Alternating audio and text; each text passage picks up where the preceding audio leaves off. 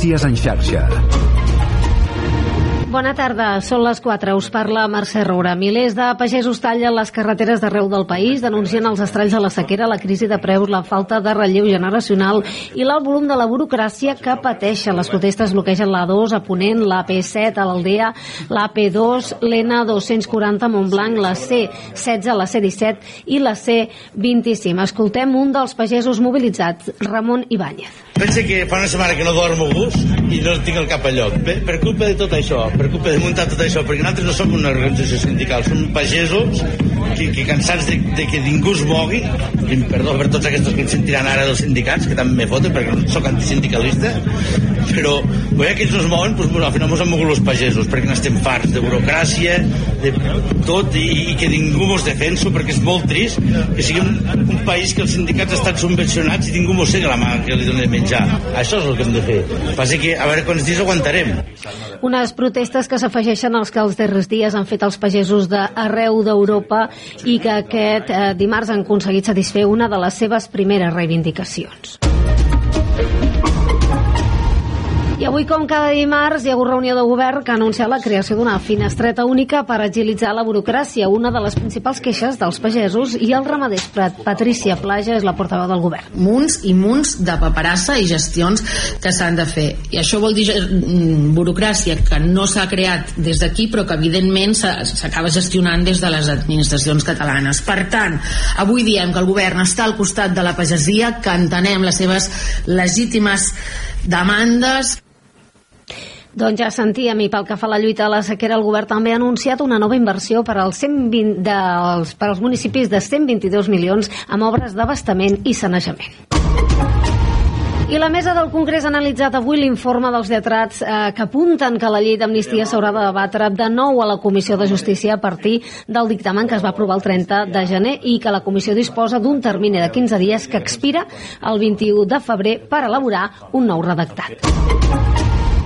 I un darrer apunt, els casos de grip continuen baixat a Catalunya i la transmissió que es manté moderada s'apropa al nivell basal de 4 setmanes després d'arribar al pic. Segons les dades del Sistema d'Informació per a la Vigilància d'Infeccions de Catalunya, actualitzades avui, a l'última setmana s'han diagnosticat 5.000 casos de grip a l'atenció primària, pels prop de 8.000 de l'anterior i els 15.000 de principis de gener. És tot de moment, tornem d'aquí una hora amb més notícies en xarxa. Fins ara. Notícies en xarxa.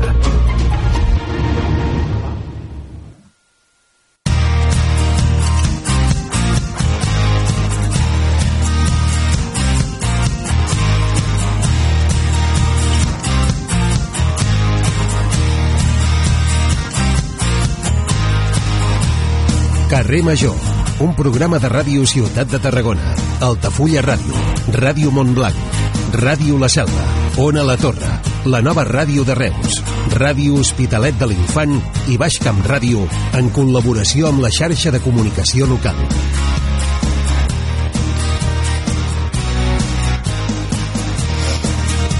Hola a tothom, bona tarda.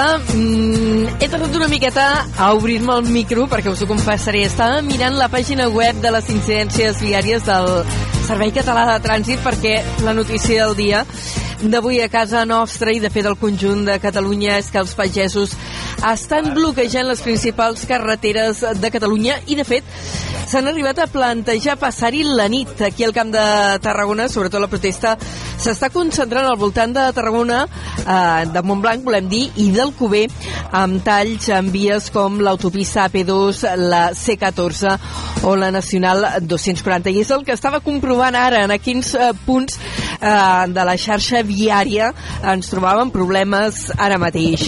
Hi ha circulació amb congestió, per exemple, a l'autovia A27, eh, en el tram Valls-Montblanc, també circulació amb retencions a l'autovia A7 a Tarragona, un tall per manifestació a l'AP2 a Montblanc, que és on hi ha concentrats més pagesos, circulació intensa per manifestació a l'autopista AP2 a Vilarrodona, també via tallada per manifestació a l'autovia AP2 a l'altura de Banyeres eh, del Penedès, circulació amb congestió a l'autopista AP7, en aquest cas a l'Ampolla a Parelló, eh, o altres eh, incidències que trobaríem ja també a les Terres de l'Ebre, a més de la seva la C14, on la via també està tallada per manifestació al terme eh, del Cuber. Són algunes de les incidències viàries eh, que hi ha avui arran d'aquests talls, aquestes uh, protestes uh, que han organitzat la plataforma 6F de pagesos que reclamen que redueixi la burocràcia que comporta la nova política agrària comuna, la PAC. També volen preus justos i mesures reals per combatre la sequera. Ja dèiem, una manifestació, unes protestes, una onada de protestes que en aquest cas no convoquen directament els sindicats, si bé eh, sí que compten amb el suport d'Unió de Pagesos. També s'hi ha manifestat a favor avui mateix l'Associació de Micropobles de Catalunya eh, que ha reclamat polítiques valentes perquè facin viable la petita agricultura. L'entitat avisa en un comunicat que cal actuar per evitar la seva desaparició i destaca que el sector sempre ha donat vida als pobles. I una advertència arran d'aquesta protesta d'avui. Comissions Obreres denuncia que la dreta i la ultradreta està intentant instrumentalitzar la mobilització de la pagesia. En una roda de premsa, el secretari general del Sindicat de Catalunya, en Javier Pacheco, ha assegurat, però, que les reivindicacions dels pagesos són plenament legítimes i ha reclamat una transició justa eh, que faci eh, possible l'activitat agrícola. Alhora, s'ha ofert a organitzacions com unions de pagesos per col·laborar perquè no es distorsionin eh, darrere de condicions ideològiques. I avui també apuntem al marge d'aquestes mobilitzacions que el Consell de Ministres ha aprovat ja l'augment del salari mínim interprofessional que queda fixat a 1.134 euros al mes en 14 pagues. El govern espanyol calcula que la mesura beneficiarà uns 2,5 milions de persones treballadores i recorda que el salari mínim interprofessional s'ha incrementat un 54% en 5 anys. Avui pendent d'aquestes mobilitzacions que hi ha arreu del Camp de Tarragona protagonitzades pels pagesos, això és Carrer Major. Som les emissores del Camp de Tarragona amb el suport de la xarxa de comunicació local.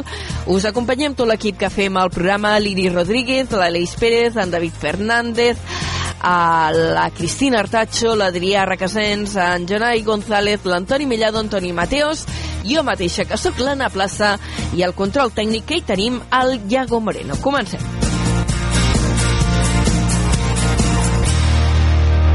Carrer Major, Anna Plaza i Jonai González.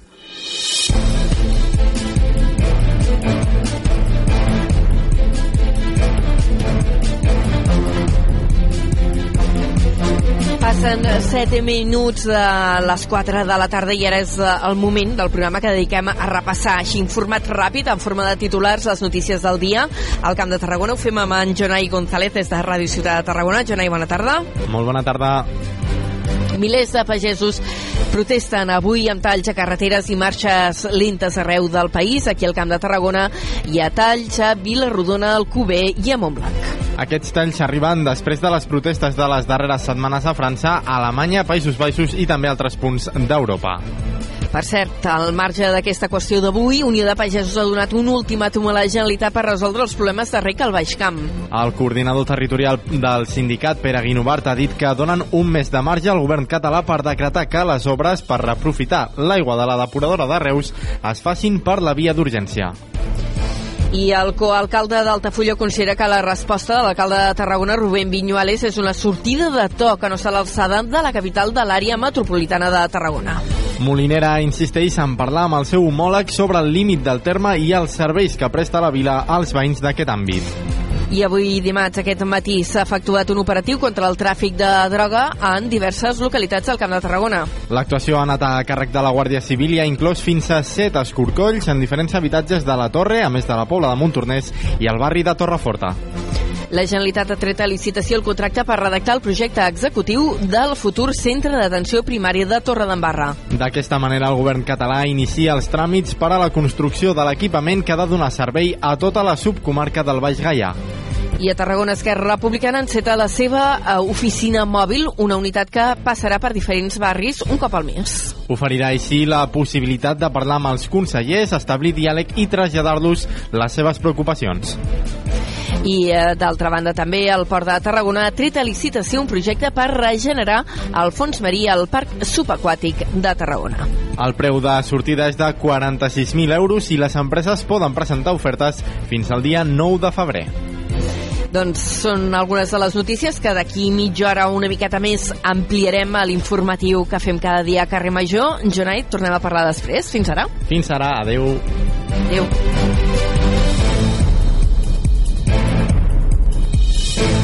Carrer Major. Toni Mateos. Toni!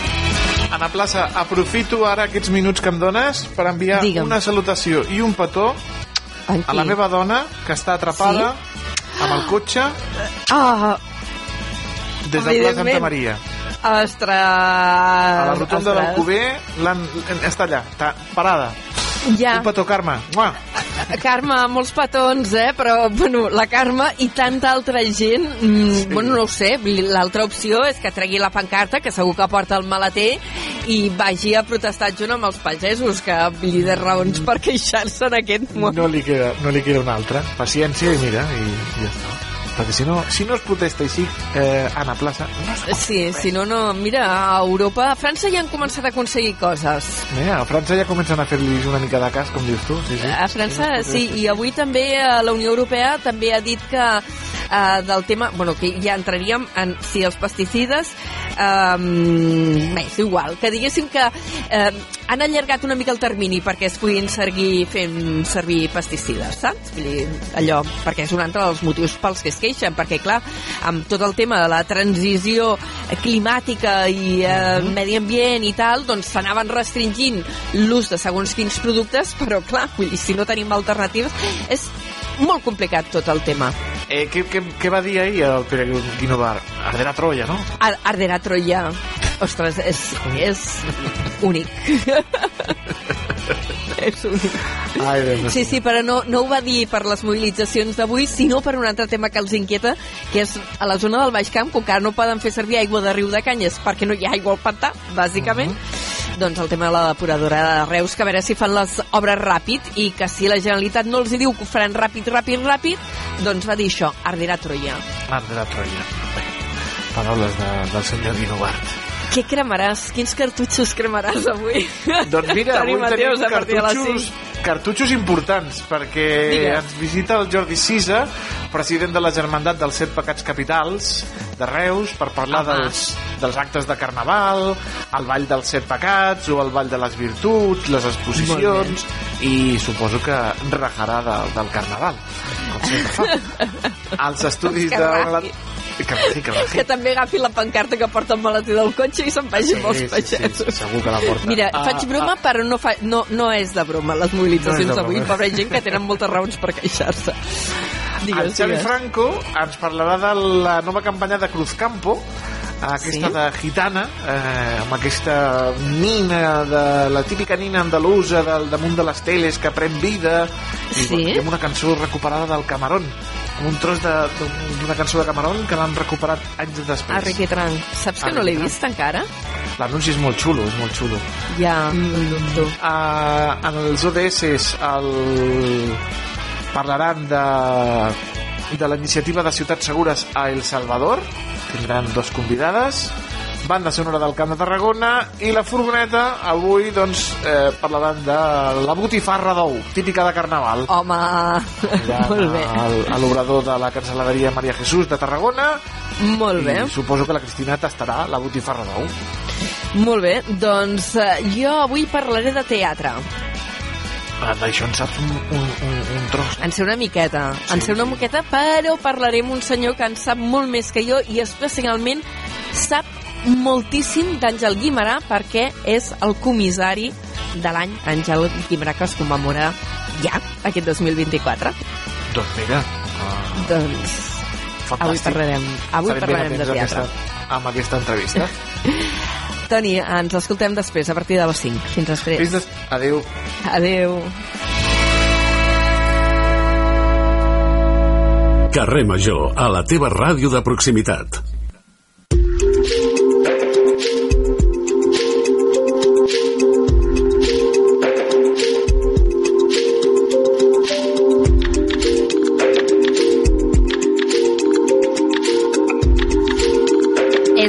Quart de cinc de la tarda i el nostre primer convidat, ara ho acabem d'anunciar, és el comissari de l'any Àngel Guimarà. Ell és en Ramon Bacardit, avui ens atén eh, per telèfon perquè el tenim a, a Barcelona i eh, per començar mm, direm que enguany es commemora l'any Àngel Guimarà perquè fa just 100 anys de la seva mort.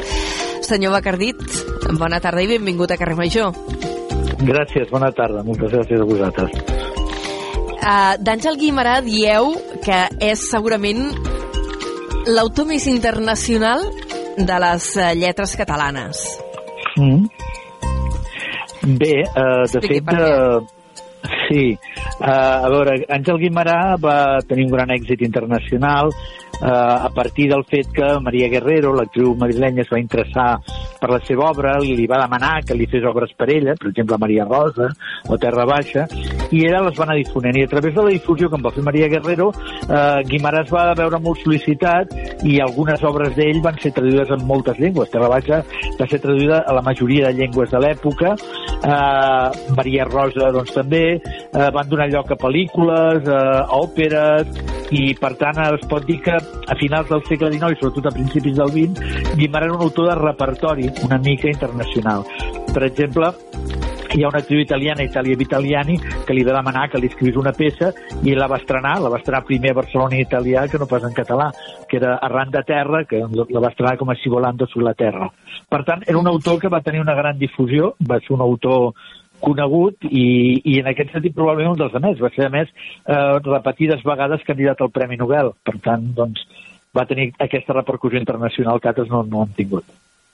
Arran de Mar, mira, ara l'anomenava, per cert, una producció que es farà enguany al TNC, el Teatre Nacional de Catalunya, eh, coincidint amb, amb aquesta celebració d'aquest centenari, oi? Que és una obra molt, molt poc coneguda. Sí, de fet, el, la, el que potser val la pena de, de posar, diguem-ne, en coneixement i de, i de reivindicar en aquest any és que Marà és l'autor d'una quarantena llarga d'obres de teatre i de fet la gent en coneixem pràcticament o se'n coneixen eh, quatre, no? La, la Filla del Mar, Maria Rosa, Terra Baixa, la Maricel en la versió de Goll de Gom i poca cosa més. Vull dir, els teatres públics i algun privat ha fet alguna altra obra, en Pólvora, la Festa del Blat, van fer el Sol Solet, però sí. la major part de la seva producció dramàtica és desconeguda pel públic avui en dia. Uh, de fet, l'any passat, l'editorial Arola Uh, va sí. publicar un volum perquè fan, uh, fan recopilatoris d'autors sí. contemporanis però també de tant en tant fan algun clàssic i van publicar les obres més desconegudes d'Àngel Guimarà o sigui, una mica aquest treball de, de recuperació sí. de la producció literària de trobar-la en un volum ja la teníem feta prèvia a l'any Sí, sí, jo només vaig participar en l'edició. Uh, va ser, crec recordar, arran del fet que Vendrell va ser capital cultural i a partir d'aquí també es va poder tirar endavant la iniciativa. I, clar, també ens va servir perquè uh, poguéssim tenir una edició crítica i una edició fiable de tot un seguit d'obres que doncs, en Gerard Guerra i el Martí Romaní van fer una bona feina com a curadors i, i clar, aquest, el gran problema, la gran qüestió que a mi m'agradaria que es pogués resoldre, però no ho sé, és que hi hagués una edició de les obres completes de Guimarà perquè l'única que hi ha és la que va fer Miracle fa molts anys, que són dos volums de selecte que ja no es troben i que alguns els tenim perquè fa molts anys que els van poder comprar. I, i clar, i llavors hi ha, hi ha molta d'aquest material que és desconegut i jo també em vaig interessar per impulsar una edició de la narrativa d'ell que sortirà a l'editorial Adesiara amb un estudi de la Neus Oliveres del Vendrell i a mi m'agradaria si pogués almenys reeditar els seus textos diguem-ne teòrics a Cants de la Pàtria que també doncs, donarien una mica de però fins a quin punt algunes de les idees que el catalanisme movia l'època doncs no són per desgràcia gaire diferents de les d'ara o tenim més o menys uns problemes semblants no? i també per, per veure el, quina era l'actitud real de, de Guimarà que a vegades se l'ha volgut presentar com una mena d'essencialista, cosa que no era en, en general, no? Llavors sí, estaria molt bé poder donar més a conèixer. L'edició Arola ens va anar molt bé perquè almenys 10 obres més ja han pogut ser una mica posades en, eh, al, al públic, però clar, encara faltaria més cosa per fer li he de dir que el, el, el tinc a mig llegir i que em va caure de les mans perquè la lletra és petita i jo ja començo a tenir problemes de vista ah. cansada sí, perquè és un totxo amb lletra petita, petita, eh? Necessites bones ulleres per sí, llegir sí. aquest llibre. I, imagino que és un problema del pressupost, això no sé com ben bé com devia anar. Jo vaig participar en el postfaci, però sí, eh, suposo que perquè poguessin encabre totes l'han de fer això i és probable que hi hagi aquest problema, és possible que sí. És, és un problema meu, eh, també, de que no hi veig gaire. Però, eh, a, a banda d'aquesta anècdota personal, senyor Bacardit, ara eh, parlava d'aquesta voluntat de donar a conèixer Àngel Guimarà i la sí. seva obra més enllà de la producció dramàtica, que continua sent molt vigent, molt popular, molt representada, també no uh -huh. només per grups professionals, sinó per grups amateurs, però parlava de la seva narrativa, de la seva poesia, del seu compromís sí. polític. Això és més desconegut d'ell. Sí, probablement eh, és molt curiós perquè quan eh, fa cent anys va morir era una veritable icona popular, el seu entrenament va ser multitudinari i més enllà de l'autor dramàtic, evidentment, eh, la gent valorava la figura eh, com a símbol, eh, símbol d'una manera d'entendre la catalanitat i el catalanisme, eh, en un determinat moment eh, els sectors potser més diguem-ne, progressistes es van eh, apropiar de la seva figura, no pas perquè ell no li agradés, però, però vull dir, eh, eh, la seva actitud eh, humanitarista, l'actitud amb la guerra de la de Primera Guerra Mundial, que es va col·locar eh, militarment a favor dels eh, aliats i contra el món, eh, contra els alemanys, les seves campanyes a favor d'un socialista que havia estat a la presó durant la, la dictadura Primo Rivera, eh, etc i el seu catalanisme insubornable, doncs, home, hi ha una anècdota que jo explico que Joan Escolies l'explica en un dels seus llibres, que és que la gent de Daniel Bastida, la gent de Bandera Negra, els independentistes de l'època, van anar a l'enterrament d'en Guimarà amb la pistola a la butxaca per si hi havia problemes o si algú volia fer treure la bandera perquè era l'època de la, de la Mm, dictadura de Primo de Rivera, no? I sembla que quan van arribar al, al, al cementiri van cantar els segadors provocadorament i la Guàrdia Civil afortunadament no va fer cas de la provocació, la cosa es va quedar aquí, però Guimarà va, va convertir-se en una mena de figura una mica eh, popular a tots els nivells, des d'aquests exaltats radicals fins molta gent eh, que el valorava com el gran autor teatral i patriarca de les lletres. Eh, era una mica una figura que que era transversal. La, la, la memòria Sagarra explica com la gent quan anava pel carrer s'aturava per saludar-lo i donar-li la mà. Era una figura en aquest sentit que potser això s'ha per, perdut més ara. I hi ha la figura una mica com poeta. Verdaguer, no? Perquè Verdaguer també tenia aquesta vessant sí. popular. Sí. Estem parlant d'autors Guimarà... gairebé contemporanis, oi? Sí, sí, de fet ells van coexistir, ell té un poema molt, molt, molt bo dedicat a, a la mort de Verdaguer. Uh, Verdaguer, en respecte, tenia un hàndicap, eh, tot i que evidentment al, al, eh, al final doncs, tot l'enfrontament amb les classes eh, diguem-ne dirigents el van convertir també una mica en un heroi popular, però és que eh, Verdaguer era un poeta molt religiós i en canvi Guimarà tenia com a avantatge de cara a la seva popularitat que era un autor fonamentalment laic, no, no era gaire de religió i per tant això permetia eh, diguem-ne, agafar un, un, un abast més gran. I la veritat és que el seu va ser l'últim gran, eh, diguem-ne, enterrament multidisciplinari. Després va venir el d'Ignasi Iglesias, una altra gran figura de teatre popular, era del meu barri, de Sant Andreu de, de Palomar, i, i el, crec que va ser el 27 o el 28 va morir l'Iglesias, i a, a petita escala es va reproduir una mica aquest fenomen de gent anant amb una processó de torxes a l'enterrament i la gent sortint als balcons a veure'l. No va ser igual que Guimarà, però a petita escala també. A partir de llavors els poetes o els autors ja han deixat de tenir aquesta, eh, diguem, de repercussió pública. Eh? Ja no hi ha hagut cap altre autor que hagi tingut aquest, aquesta capacitat de congregar les masses. Per cert, Àngel Guimarà eh, va néixer a Santa Cruz de Tenerife. Eh, Sí. Si bé bona part de la seva vida va viure al Vendrell, per això fem la- Mm-hmm. l'entrevista avui en aquest programa dedicat a qüestions del Camp de Tarragona, no? perquè en, ens toca Sí. de prop, és, és un dels genis del nostre territori. Eh, això també el va marcar? A veure, la seva obra està bastant marcada per eh, aquesta... Hi ha un tema molt recurrent, que és el tema, diguem-ne, del que està a cavall de dues cultures, del mestís. Eh, llavors s'ha dit que aquest, el fet doncs, que ell eh, arribés, va, va arribar al Vendrell crec que tenia 8 anys, una cosa així, eh, i es trobés amb una llengua diferent de la que ell parlava a les Canàries i de la de la seva mare, i de fet amb ell li deien sempre Àngel, perquè per Àngel, eh, vull dir que això d'Àngel Guimarà ho hem acabat dient, però ell era l'Àngel, l'Àngel Guimarà, perquè és com li deien a casa, Àngel, no? I llavors, eh, clar, ell eh, sí que nota aquest sotrac, diguéssim, no? I sí que és veritat que ell aposta per una identitat, i això sí que és una de les idees força que també en el seu catalanisme ell sempre reivindica que d'alguna manera la identitat és tria i que no és cap cosa ètnica ni, ni està relacionada amb la sang ni res per l'estil, sinó que tria ser eh, la identitat que vol, no? I per tant la seva, el seu discurs polític també va molt per aquí, és a dir, el, els ciutadans d'aquest país eh, l'única deure que ell els posava era que, que aprenguessin el català, no? I que el fessin seu. Però a partir d'aquí ell creia que, que la catalanitat era una qüestió doncs, eh, purament de, de tria individual. I era el seu propi cas, ell havia triat ell havia optat per aquesta identitat tot i que sempre va pensar en les Canàries l'altre dia estava parlant amb gent de Tenerife que volen fer-li eh, uns actes i tal i és veritat que ha les entrevistes a, a periodistes a Canàries i tal sempre recorda el Teide i, i soy isleño i sempre hi ha aquest component però la veritat és que la identitat per la qual va apostar fort va ser per la catalana Uh, va per aquí el discurs en català com a president de l'Autaneu barcelonès del 1895, que és una de les coses que també voleu mm, posar de manifest o, o divulgar en aquest any Àngel Sí. Guimarà? A veure, eh, això va ser una jugada que van fer els sectors catalanistes, hi havia també Maragall i d'altres, de, entre cometes, intentar apropiar-se de l'Ateneu, intentar ocupar l'Ateneu, i se'n van sortir, i el gran, eh, diguem-ne, esvalot va venir perquè per primera vegada en aquella institució el president, que en aquest cas li tocava ser Àngel Guimarà, va fer el discurs en català. Això va provocar doncs, que saltessin cadires, que gent sortís indignada, que alguns socis es donguessin de baixa, però finalment n'hi va haver uns quants que es van quedar i van aplaudir, i a partir de llavors van canviar les coses. És a dir, que és molt significatiu de cara a la diglòsia que patia el país, la reivindicació que ell havia fet sempre, i el seu amic Pere Aldabert, des de les pàgines de la revista la Renaixença, que el català s'ha d'utilitzar sempre i a tot arreu a Catalunya, que aquesta havia de ser la llengua a Catalunya, en tots els àmbits.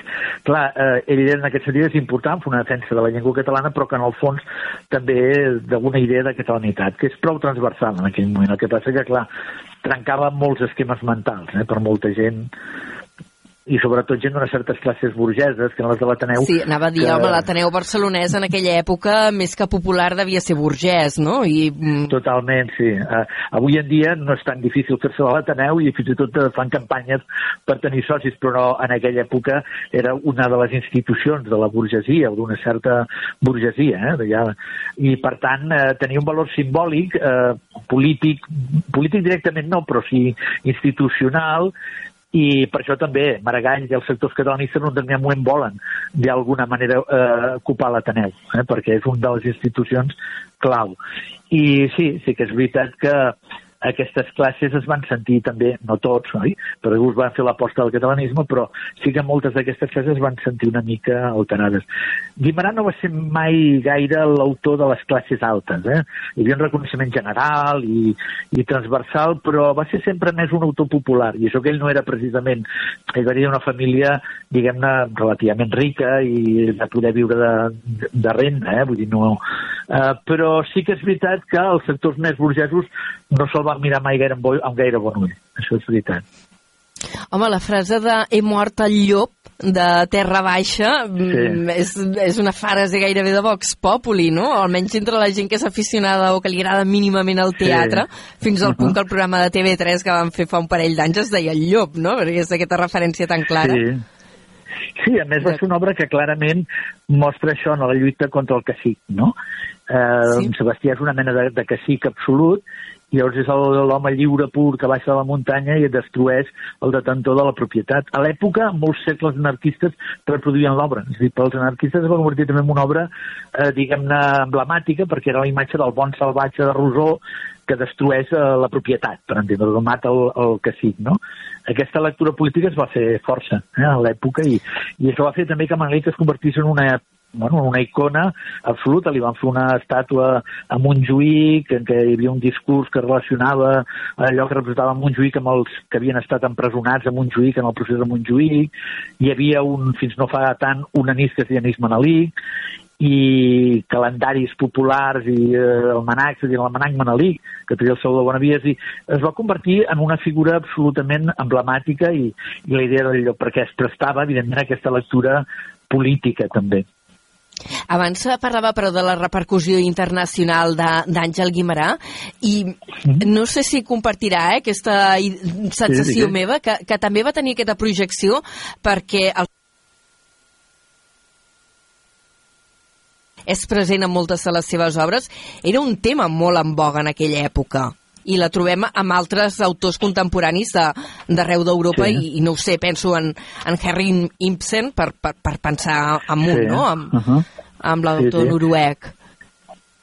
Eh, sí, a veure, jo crec que d'alguna manera sí que és veritat que aquesta idea de, de l'individu que eh, es veu d'alguna manera eh, forçat a enfrontar-se a la societat, és una idea en el fons romàntica, però sí que és veritat que ell la porta una mica amb una visió desesperançada, perquè si ens fixem bé, Terra Baixa aparentment acaba bé, però clar, què vol dir que hagi mort el llop i se'n vagi amb la Marta? Doncs el perseguiran tota la vida, és a dir, l'única possibilitat que té és viure en l'absoluta soledat de la, de la Terra Alta, no? La Terra Alta en el fons representa la soledat, perquè ell mateix li diu a la Nuri, tu sí, però allà dalt no hi ha homes, eh? és a dir, allà no hi ha humans, Mm. és on podem ser feliços, per tant, és un missatge en el fons amarg, eh? és a dir, en la societat l'amor, la puresa de sentiments no és possible. L'única possibilitat és en un món, en el fons, ideal, en la pròpia soledat, a la muntanya on no hi ha ningú, no?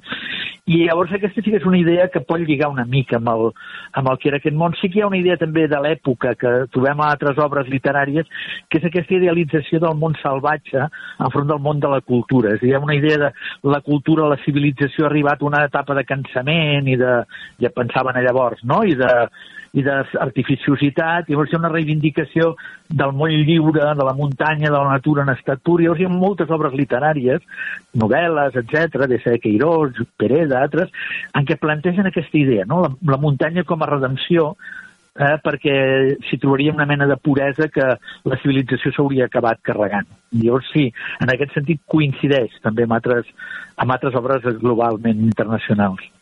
Mm -hmm. Estem parlant amb en Ramon Bacardit, que és comissari de l'any Àngel Guimarà, eh, i si li sembla, comentem almenys algunes de les coses que heu programat eh, eh, per, Sí. per commemorar aquest centenari de la mort de l'autor. Començareu el 23 d'abril, ai, l'altre 23 d'abril, 23 De- d'abril de de Sant. Jordi, el 23 de febrer, o sigui, d'aquí un parell, tres setmanes, al Vendrell. Sí. Què és el que es farà en aquest acte inaugural?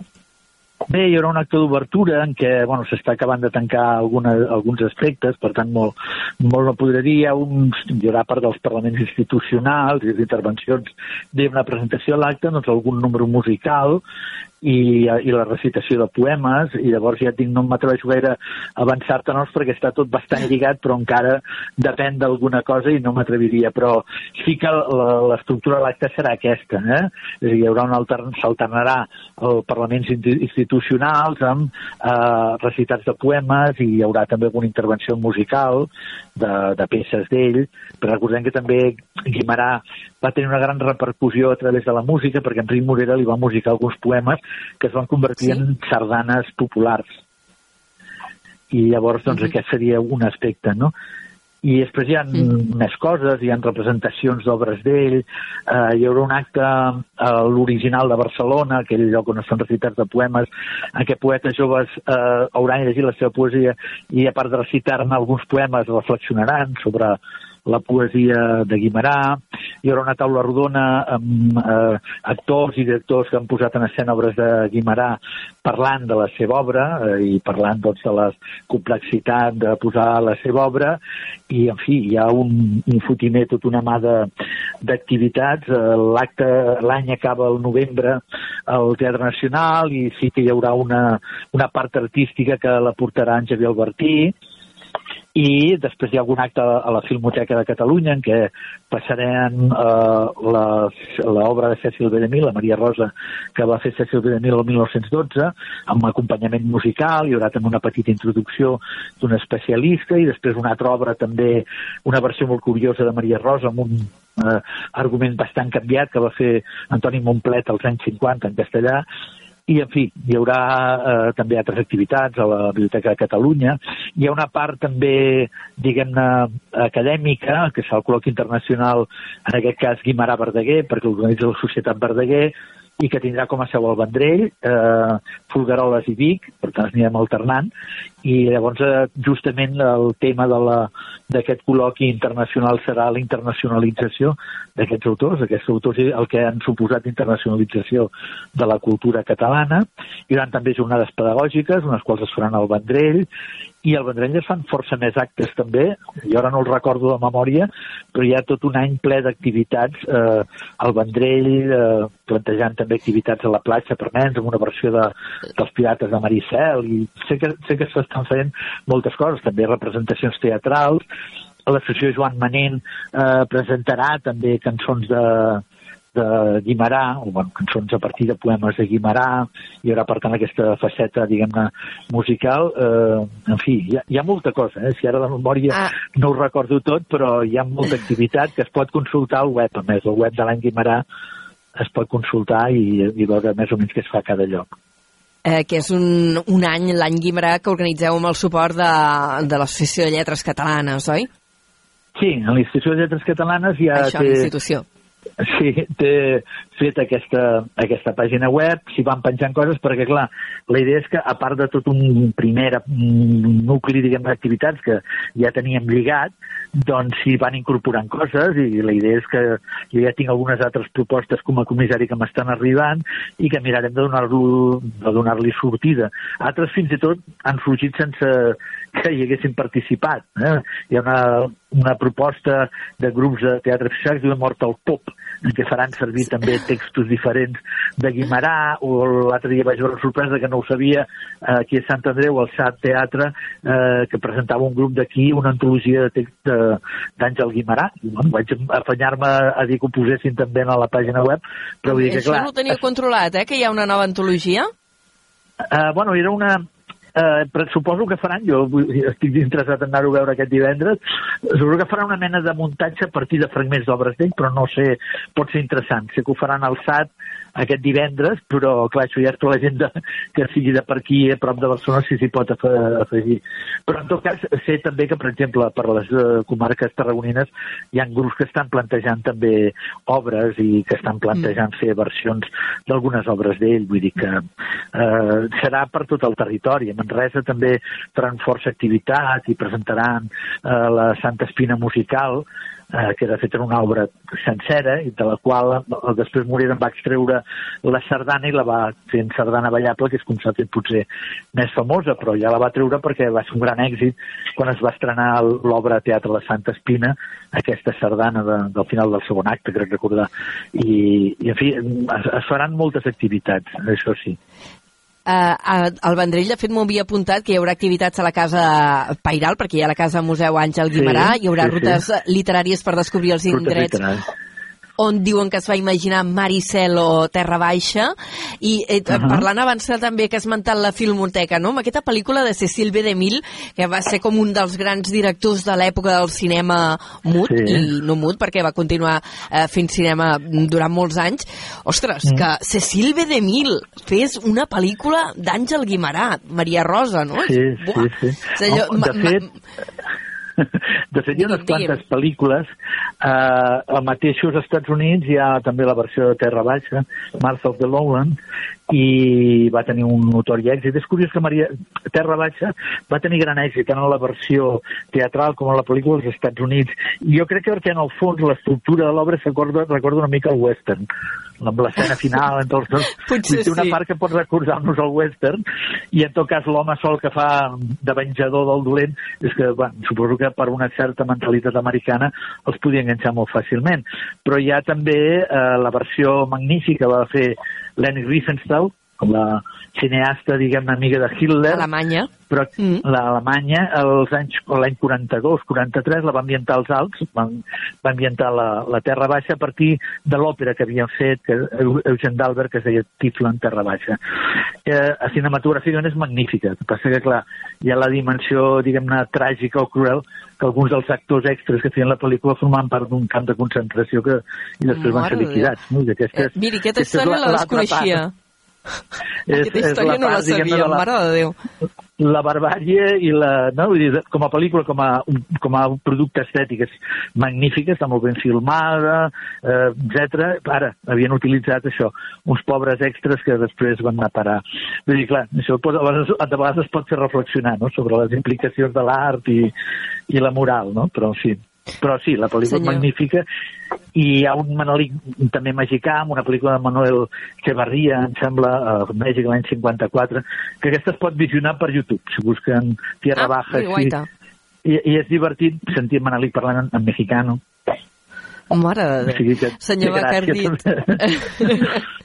jo seguiria parlant de, de teatre, perquè a més la, la Federació de Grups de Teatre Amateur, eh, no sé si això ho teniu posat dintre la programació de l'any Gui- Guimarà, però sé que la, la Federació de Grups de Teatre Amateur de Catalunya eh, tenen una iniciativa que han anat fent contactes amb tots els grups de, de teatre que estan federats Ahà. per veure quins faran coses de De eh, Guimerà. d'Àngel Guimarà i, i n'hi ha molts que enguany, aprofitant la vinentesa doncs, que es commemora aquest centenari de la seva mort, eh, recuperaran alguns dels seus textos.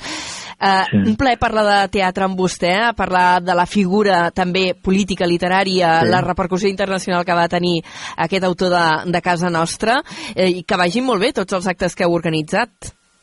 Això esperem, espero que sí. Eh, De moment pinta bé la cosa, jo crec que sí, que anirà tot força bé. Doncs moltes gràcies. I a més amb Maricel, amb la reposició de que això segurament Sí, ja no cal dir-ho, que ho petaran, no?, de, de, de Goll de Gom. És veritat, m'havia descuidat dir-ho, però és veritat. Hi ha la, el nou Maricel, que per tant doncs, també eh, va ser tot un èxit i que va servir molt per difondre Guimarà. Jo que he estat molts anys professor d'institut, puc donar fe de, de l'èxit entre els alumnes del que d'un temps va ser el gran musical. Sí, sí, quan, quan es va anar a inaugurar jo era petita i quan es va estrenar la primera vegada, el 88, jo era petita i encara... Bueno, no sé, d'aquella època ja em vaig aprendre les cançons i encara me les sé ara Home. que soc gran. Allò, el Per què plorat és un... És un Per què plorat. clar, que és un I les És- de la és un clàssic. això ja, això ja en són És un clàssics del tot. superclàssic. Doncs, senyor Bacardí, moltíssimes gràcies i que vagi Igualment molt bé. a Fins la propera. Fins ara. Molt bé, Adéu-siau. moltes gràcies, Adéu. que vagi bé. Adéu. Carrer Major, al Camp de Tarragona, des de ben a prop.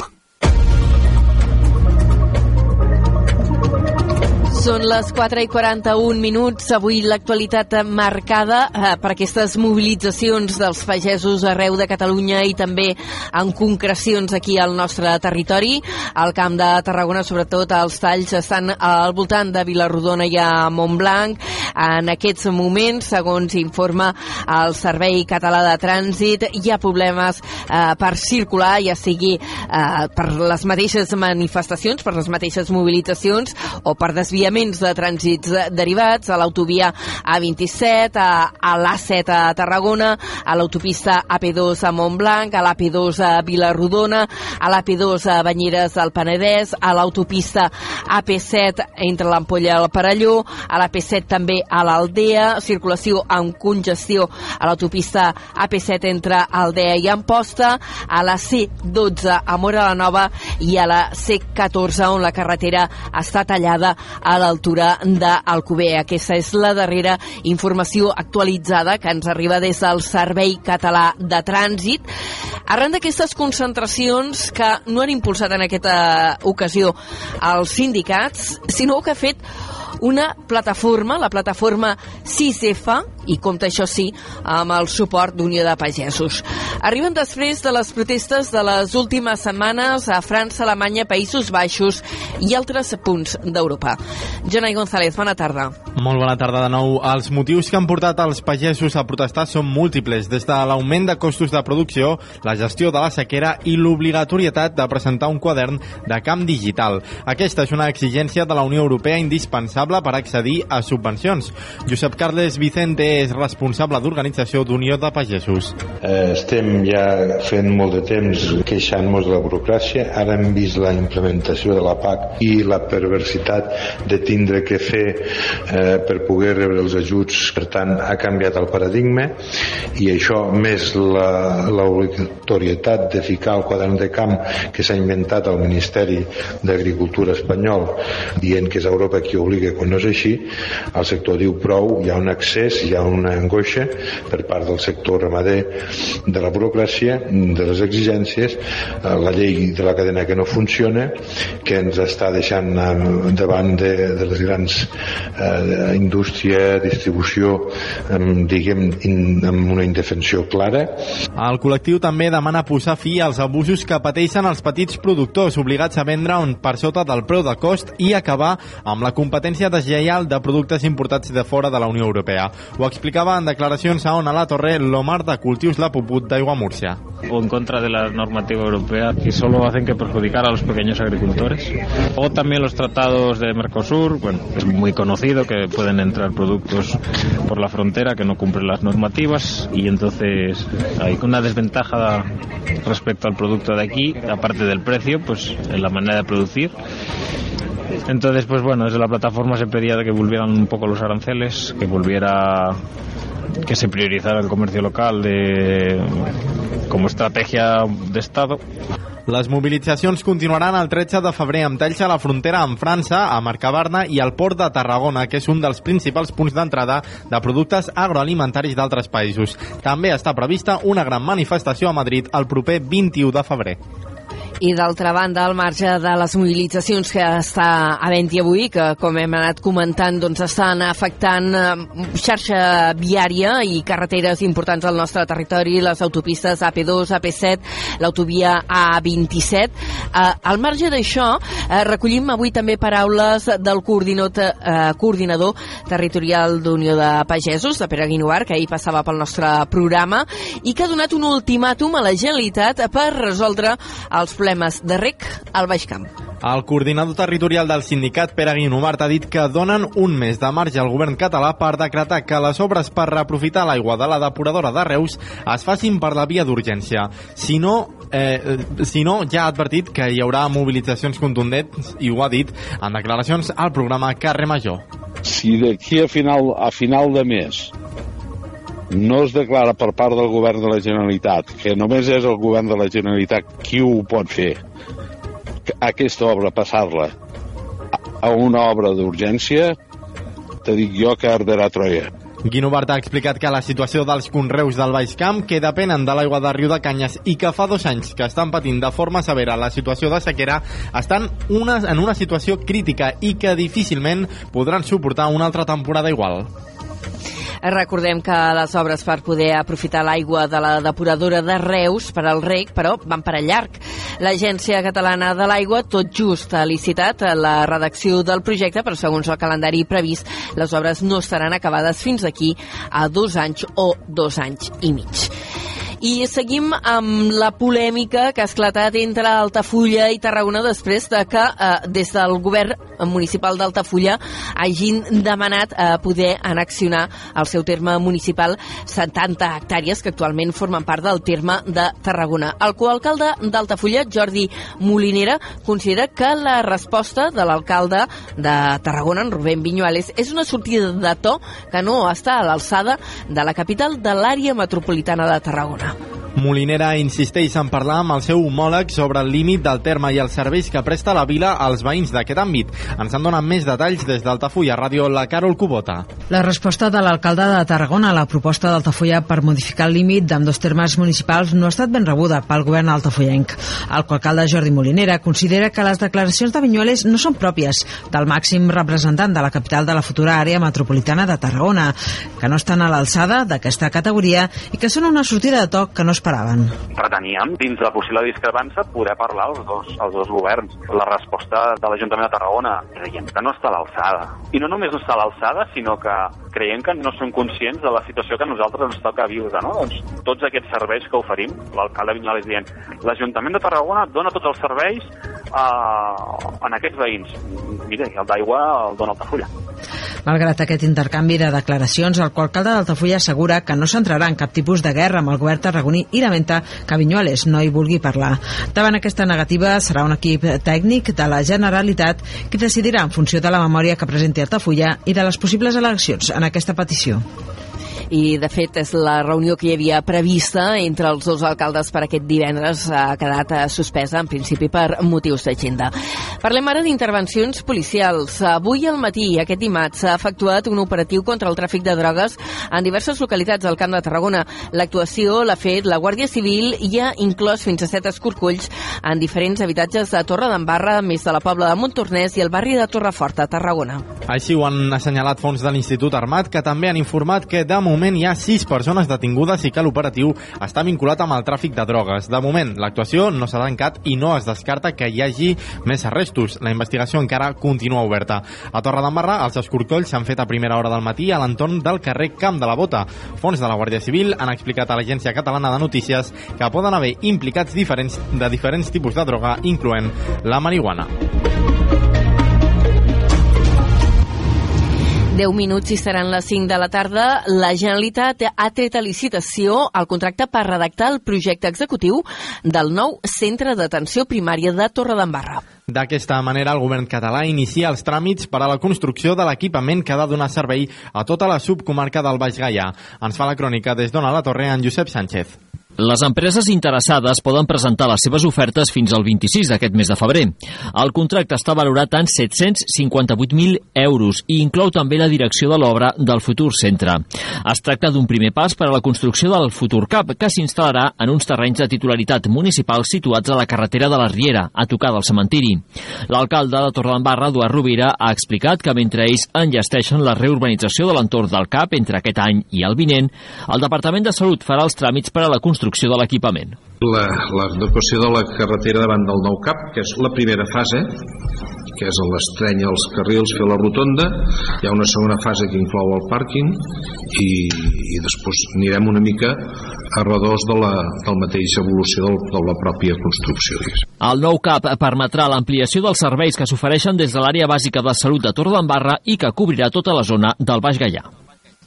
Moltes gràcies, Josep, i seguim en crònica local i parlant de política, ara situats a Tarragona, una esquerra republicana enceta la seva oficina mòbil, una unitat que passarà pels diferents barris un cop al mes. Oferirà així la possibilitat de parlar amb els consellers, establir diàleg i traslladar-los les seves preocupacions. És una crònica d'Adrià Duc des de Ràdio Ciutat de Tarragona. La consellera Maria Roig ha manifestat que a través d'aquesta iniciativa el que volen és acostar-se a la ciutadania i no quedar-se tancats als despatxos. Roig també ha aprofitat per destacar el paper que fa Esquerra com a primera força de l'oposició. Som el primer partit de l'oposició i l'oposició és una eina i volem que transmetre als ciutadans i als ciutadans de Tarragona que si ens fan arribar les seves preocupacions o les seves queixes, nosaltres som un mitjà per fer-ho arribar també al govern. Som un mitjà també de pressió i som un mitjà també per esclarir certes coses. Per tant, com a oposició tenim una tasca que també és traslladar al govern i fer pressió allà on calgui.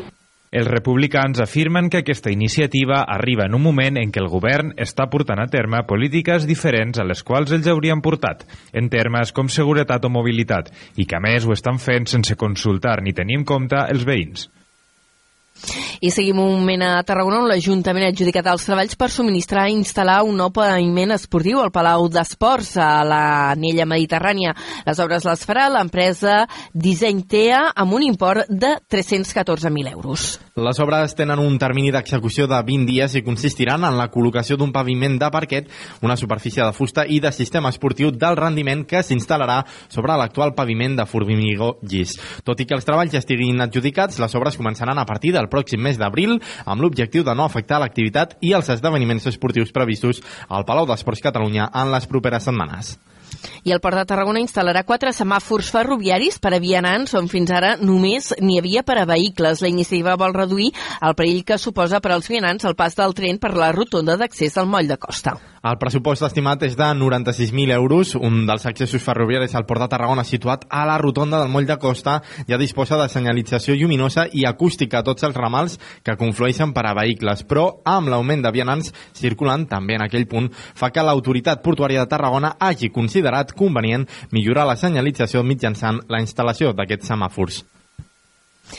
I hem de parlar de Carnaval i de com s'està preparant. A Reus ja s'obrirà eh, els actes passat demà dijous amb la celebració del dijous gras.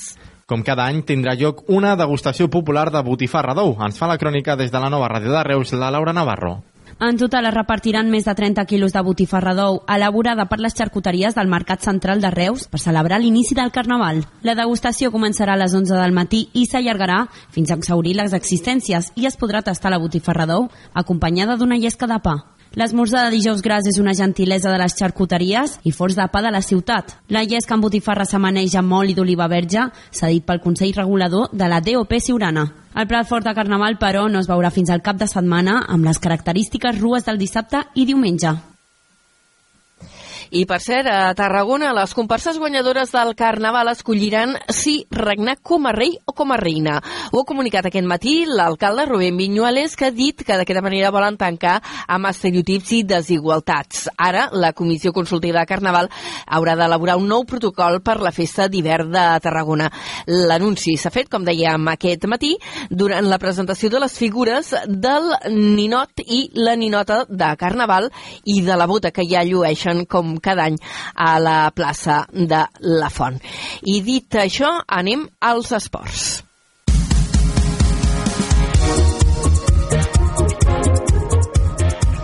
on també ens situem a Tarragona, que es prepara per la caminada popular d'hivern que s'organitza per abordar la qüestió del trastorn de l'espectre autista.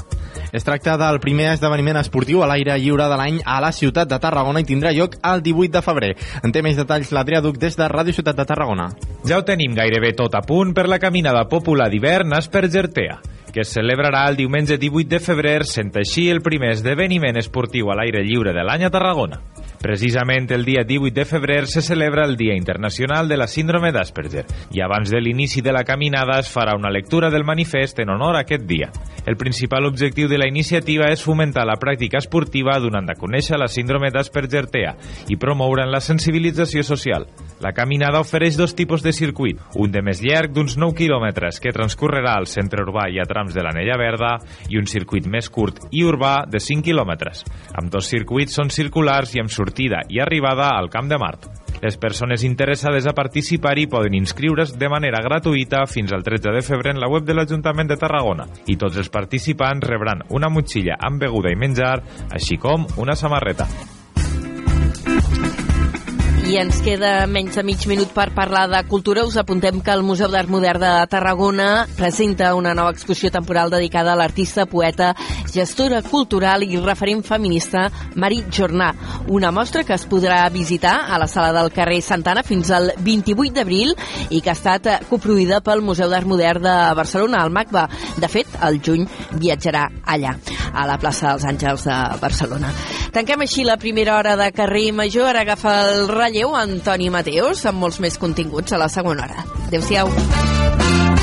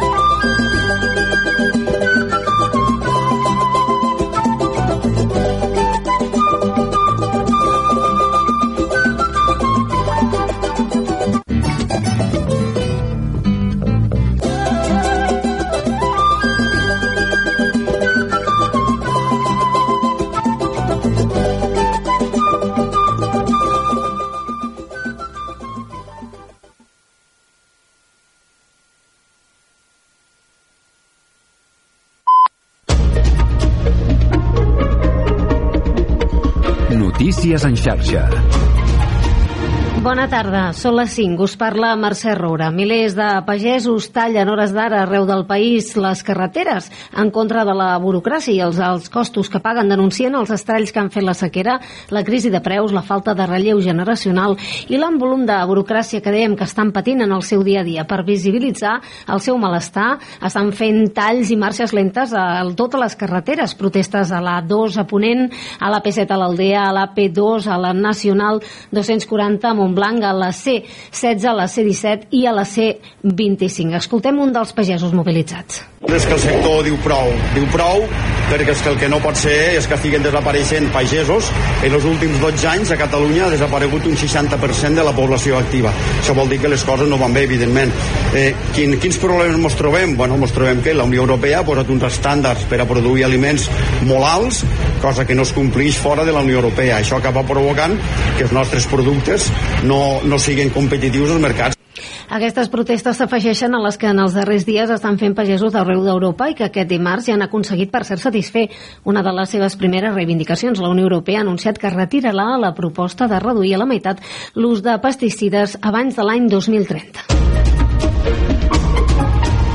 I precisament fa uns moments el conseller d'Acció Climàtica David Mascor ha defensat la gestió d'ajuts del govern català al sector primari i la qualifica d'inigualable. Mascor ha explicat que s'han acordat diferents paquets d'ajuts en cadascun dels, dels sectors, 160 milions d'euros en ajuts. La proporció d'ajut que ha fet aquest govern al sector primari és inigualable en tot el nostre entorn. No hi ha ningú que hagi fet el que ha fet aquest govern. Segur que és insuficient. Cap govern del nostre entorn que hagi fet una cosa semblant. De fet, no hi ha cap comunitat autònoma que hagi posat ni un euro d'ajut a cap pagès per la sequera. Ja sentíem, doncs, cap altre govern, ha dit el conseller, ni comunitat ha fet el mateix pel sector primari. I parlem d'altres temes. Els Mossos han intervingut el 2023 davant la sospita de 13 nenes eh, que haguessin patit mutilació genital en els seus països d'origen. Els CAP tenen un paper clau per prevenir aquesta forma de violència. Són dades que coneixem avui 6 de febrer, Dia Internacional de la Tolerància Zero, amb aquesta forma de violència cap a les dones. Un darrer apunt anem a Barcelona perquè a partir de demà els ciutadans de Barcelona podran fer aportacions per actualitzar l'ordenança de convivència de la ciutat. Ho podran fer per via telemàtica a través de la plataforma Decidim.Barcelona o presencialment en el marc de tres sessions de debat que l'Ajuntament ha convocat aquest mes de febrer. És tot de moment, tornem amb més notícies en xarxa. Notícies en xarxa.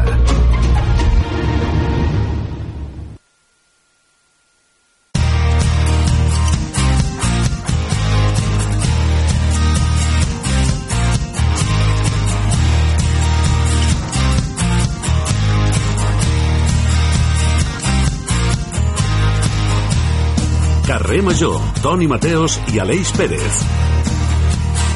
Hola, què tal?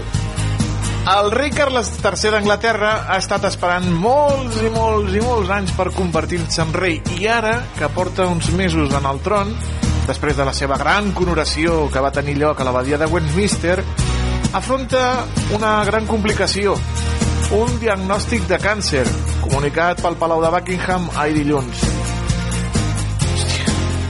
Arran d'aquesta notícia, s'ha fet viral també una nova interpretació d'una profecia d'en Nostradamus, l'endeví francès que va viure al segle XVI. La interpretació de Nostradamus apuntaria directament a la Casa Reial Britànica i apareix en un dels seus llibres de les profecies. Diu, la mort sobtada del primer personatge serà canviat i pujarà un altre en el seu regne. Va escriure fa gairebé mig segle. També hi ha una altra predicció que ha fet tremolar més d'un, en la qual es pot llegir que tres nens arruïnaran el poble. Els experts apunten a que són els fills del príncep William. Prop de la costa naixeran tres nens. Arruïnaran el poble quan siguin majors d'edat. Canviaran el regne i no veuran créixer més. Nostradamus no diu res de la família reial espanyola? No diu res de l'emèrit? No, no diu res d'Abu Dhabi?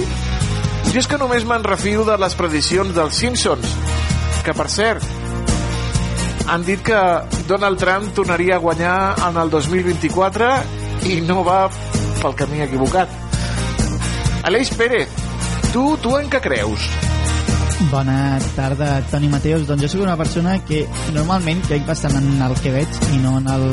les vaticins aquests que em fan gràcia perquè sembla que sempre hi ha una frase concreta o una escena del Simpson concreta per dir això ja ho havien dit abans l'11S i coses així. En què crec jo? A veure, em puc posar filosòfic ja en aquesta de, de Home, la i tant, és, és, és, són 5 minuts sobre les 5 de la tarda, és moment de posar-se filosòfic, si no et a mi fa m'agrada que sí, a mi m'agrada Toni Mateus creure en les persones i en la gent que ens fa més fàcil el dia a dia o més difícil. Jo crec que jo crec que sí, m'agrada creure en les persones. Soc una persona que, que m'agrada Quin somiador, quin somiador estàs fent. Jo només crec en el Xolo Simeone. Jo només crec en Ràdio Ciutat de Tarragona, en Altafulla Ràdio, en Ona la Torre, en Ràdio Montblanc, en Ràdio La Selva del Camp, en la nova Ràdio de Reus, en Ràdio L'Hospitalet de l'Infant i en Baix Camp Ràdio que cada dia els hi porten l'actualitat, la informació i l'entreteniment del territori fins a casa seva. Jo només crec en el Iago Moreno, el nostre tècnic, i només crec en mi mateix. Bueno, a estones.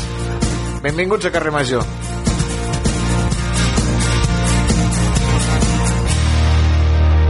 Carrer Major, la proximitat del Camp de Tarragona.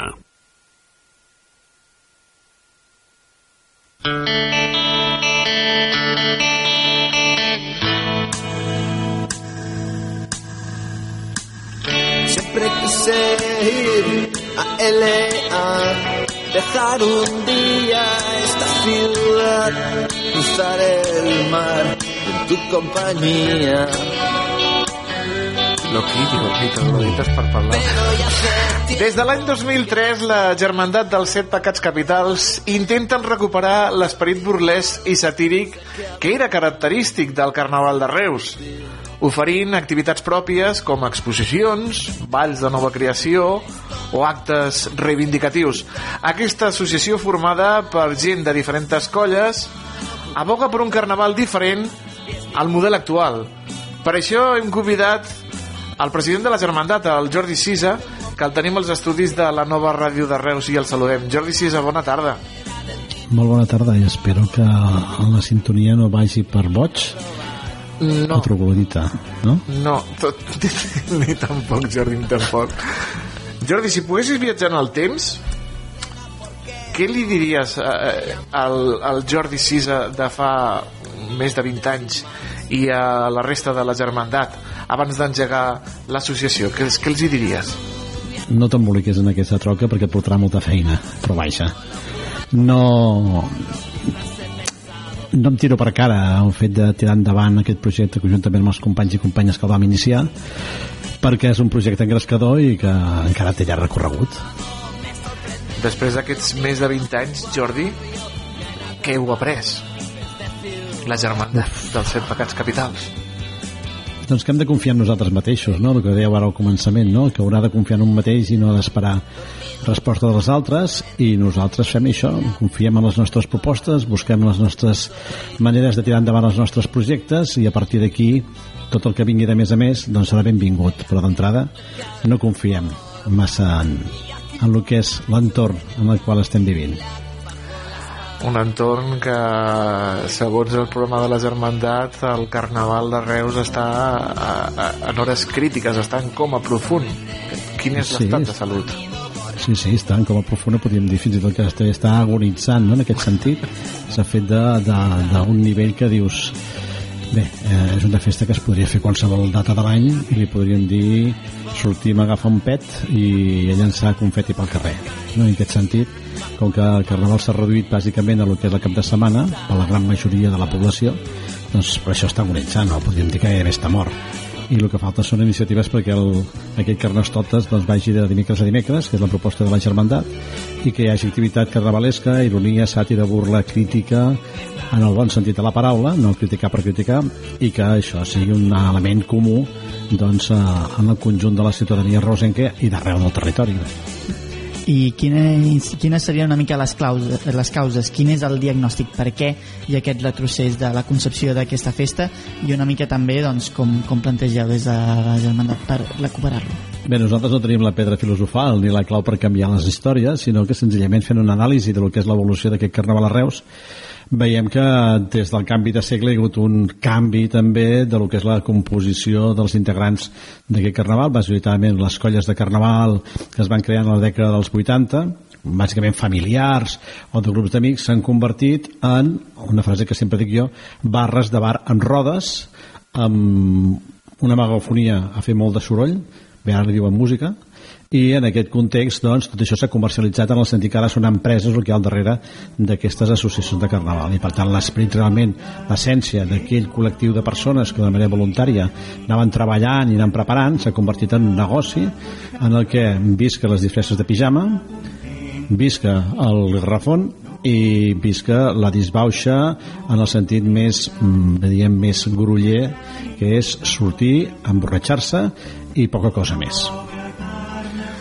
déu nhi quin repàs al Carnaval de Reus. És odiós, no?, eh, fer comparacions amb, amb d'altres carnavals de, del Camp de Tarragona, no, Jordi? Bé, però, sí, però no tot s'acaben això. També hi ha altres activitats del Carnaval de Reus que no són la part central, evidentment. El Carnaval comença doncs, eh, demà dimecres, bé, arrencat ja amb actes previs, però demà dimecres ja el Ball de Carnestoltes, després hi ha el tema dels infantils, després també hi ha tot el tema de l'Expo Profit, també hi ha el tema de l'enterrament al Camp de Dol, hi ha algun seguit, però com tothom focalitza en el cap cap de setmana, el cap de setmana es caracteritza per això. I si fem una comparativa, doncs bé, no s'ha de comparar, és com aquell que dius a un pa, uns pares de família, quin és el fill que t'agrada més? Doncs cada fill es desenvolupa doncs, d'una manera diferent, malgrat tenir una arrel, una arrencada, diguem més o menys comuna, no? perquè si fem, féssim una anàlisi també del Carnaval tarragoní, doncs a la dècada dels 80 el Carnaval de Tarragona no tenia res a veure amb l'actual. L'actual és, personalment considero, que és un concurs no? i les comparses competeixen per guanyar i bé, mm, no és un carnaval això, això simplement és un concurs com dic la, la seva pròpia expressió que s'hi gasta molts diners, que es veixen molt que té molt de públic perquè és més un espectacle que no pas una festa, o és una festa espectacle i hi ha d'haver de tot per tothom, i en aquest sentit doncs, són dos models molt antagònics i que curiosament s'ha la truita un cap a un costat i l'altre cap a l'altre. Tornem a la, la germandat. Ara actualment es poden veure una exposició de fotografies al Palau Bufarull sobre els 45 anys del Carnaval a Reus i a l'aparador de Calnavàs eh, una expo sobre un dels reis carnestoltes més recordats i, i enyorats, no Jordi? Sí, en el Palau Bufarull, que ja mostra que ja fa 20 anys que l'estem fent, és un, un repàs aquests 40, aquests primers 45 anys de la recuperació del Carnaval, uh -huh. perquè antecedents anteriors, no? tant en el segle XX com en el segle XIX, i hem fet això un repàs i explicar el que és la festa, com ha evolucionat, allò que hi ha hagut, allò que s'ha perdut, allò que s'ha posat de nou, una missió així bastant molt bàsica, no? perquè l'espai dona pel que dona. I en la Casa Navàs, en la col·laboració des de ja fa uns anys amb la Casa Navàs, doncs hem posat a l'aparador eh, elements, vestuari, alguns elements del que va ser un personatge Carnestoltes de l'any 94, que és com una mena de referent i que tothom recorda com un personatge, un pregó, una arribada i una setmana en la que va fer un trencament i va donar peu a una a un impuls de lo que serien doncs, els carnestoltes fins aproximadament l'any 2000, una cosa així. i per què era tan especial aquest Carnestoltes? Clar, jo sóc una persona també nascuda a principis de segle també com... Ai, com, ho havia, clar, ho havia clar, de dir, jo, ho havia clar, de no, dir. Jo, jo vinc a fer aquí la, la, la, la punyeta, però clar, la gent que, que com jo no ha viscut aquest Carnestoltes, com el definiria? Doncs va, és curiós perquè 30 anys després encara ho diu ho podríeu tornar a fer no?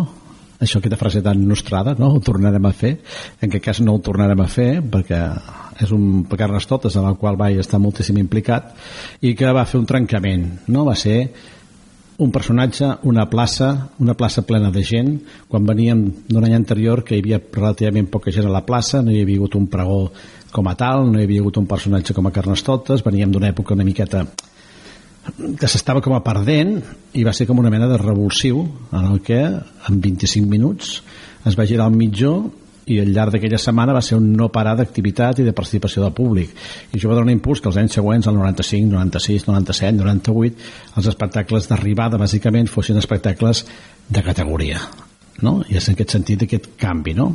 i com que després aquests espectacles han anat amb una certa decadència en allò de dir és carnaval, ja està bé, tot s'hi val, no? I, I una mica la deixadesa, doncs sempre és aquest referent. Ostres, aquell any sí que, aquell any, i com que molta gent ho havia comentat, doncs hem recuperat aquest material i l'hem exposat a la Casa Navàs.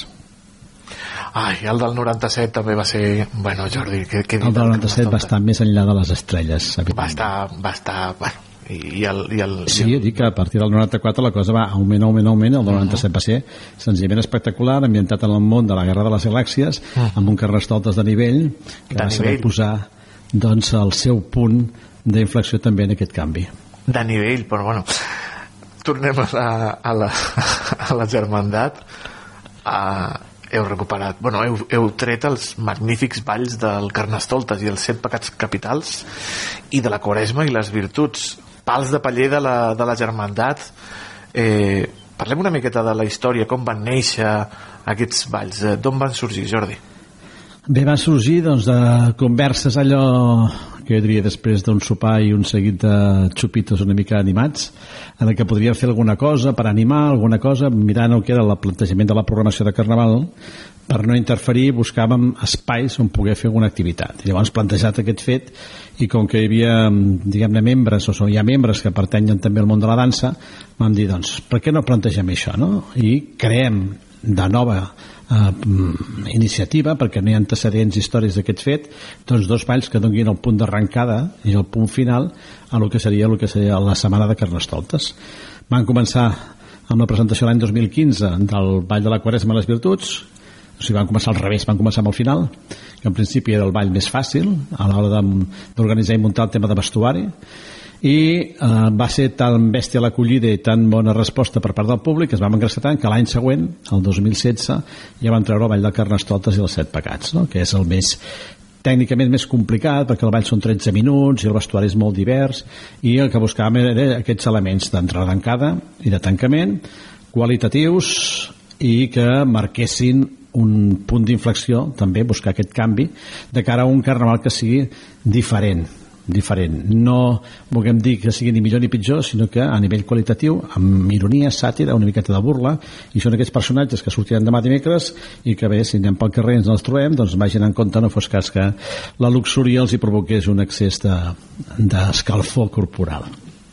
déu nhi les disfresses de, del Ric Carnestoltes i, de les, i dels set pecats les màscares, les, les perruques i també la, la disfressa uh, de, la, de la Quaresma i, i de les virtuts criden moltíssim l'atenció de tothom no només a Reus sinó a, a tota Catalunya Sí, és allò que buscàvem, no? Marcar un nivell, no? I a partir d'aquí, és si fem alguna cosa, fem-la ben feta, no fem qualsevol cosa, anem a, participar i no anem a fer el ridícul, és un dels plantejaments, no? Si una cosa no es pot fer, enguany no es farà l'any vinent o no, es, o no es farà, no? perquè també hi ha propostes que tècnicament no s'han pogut fer.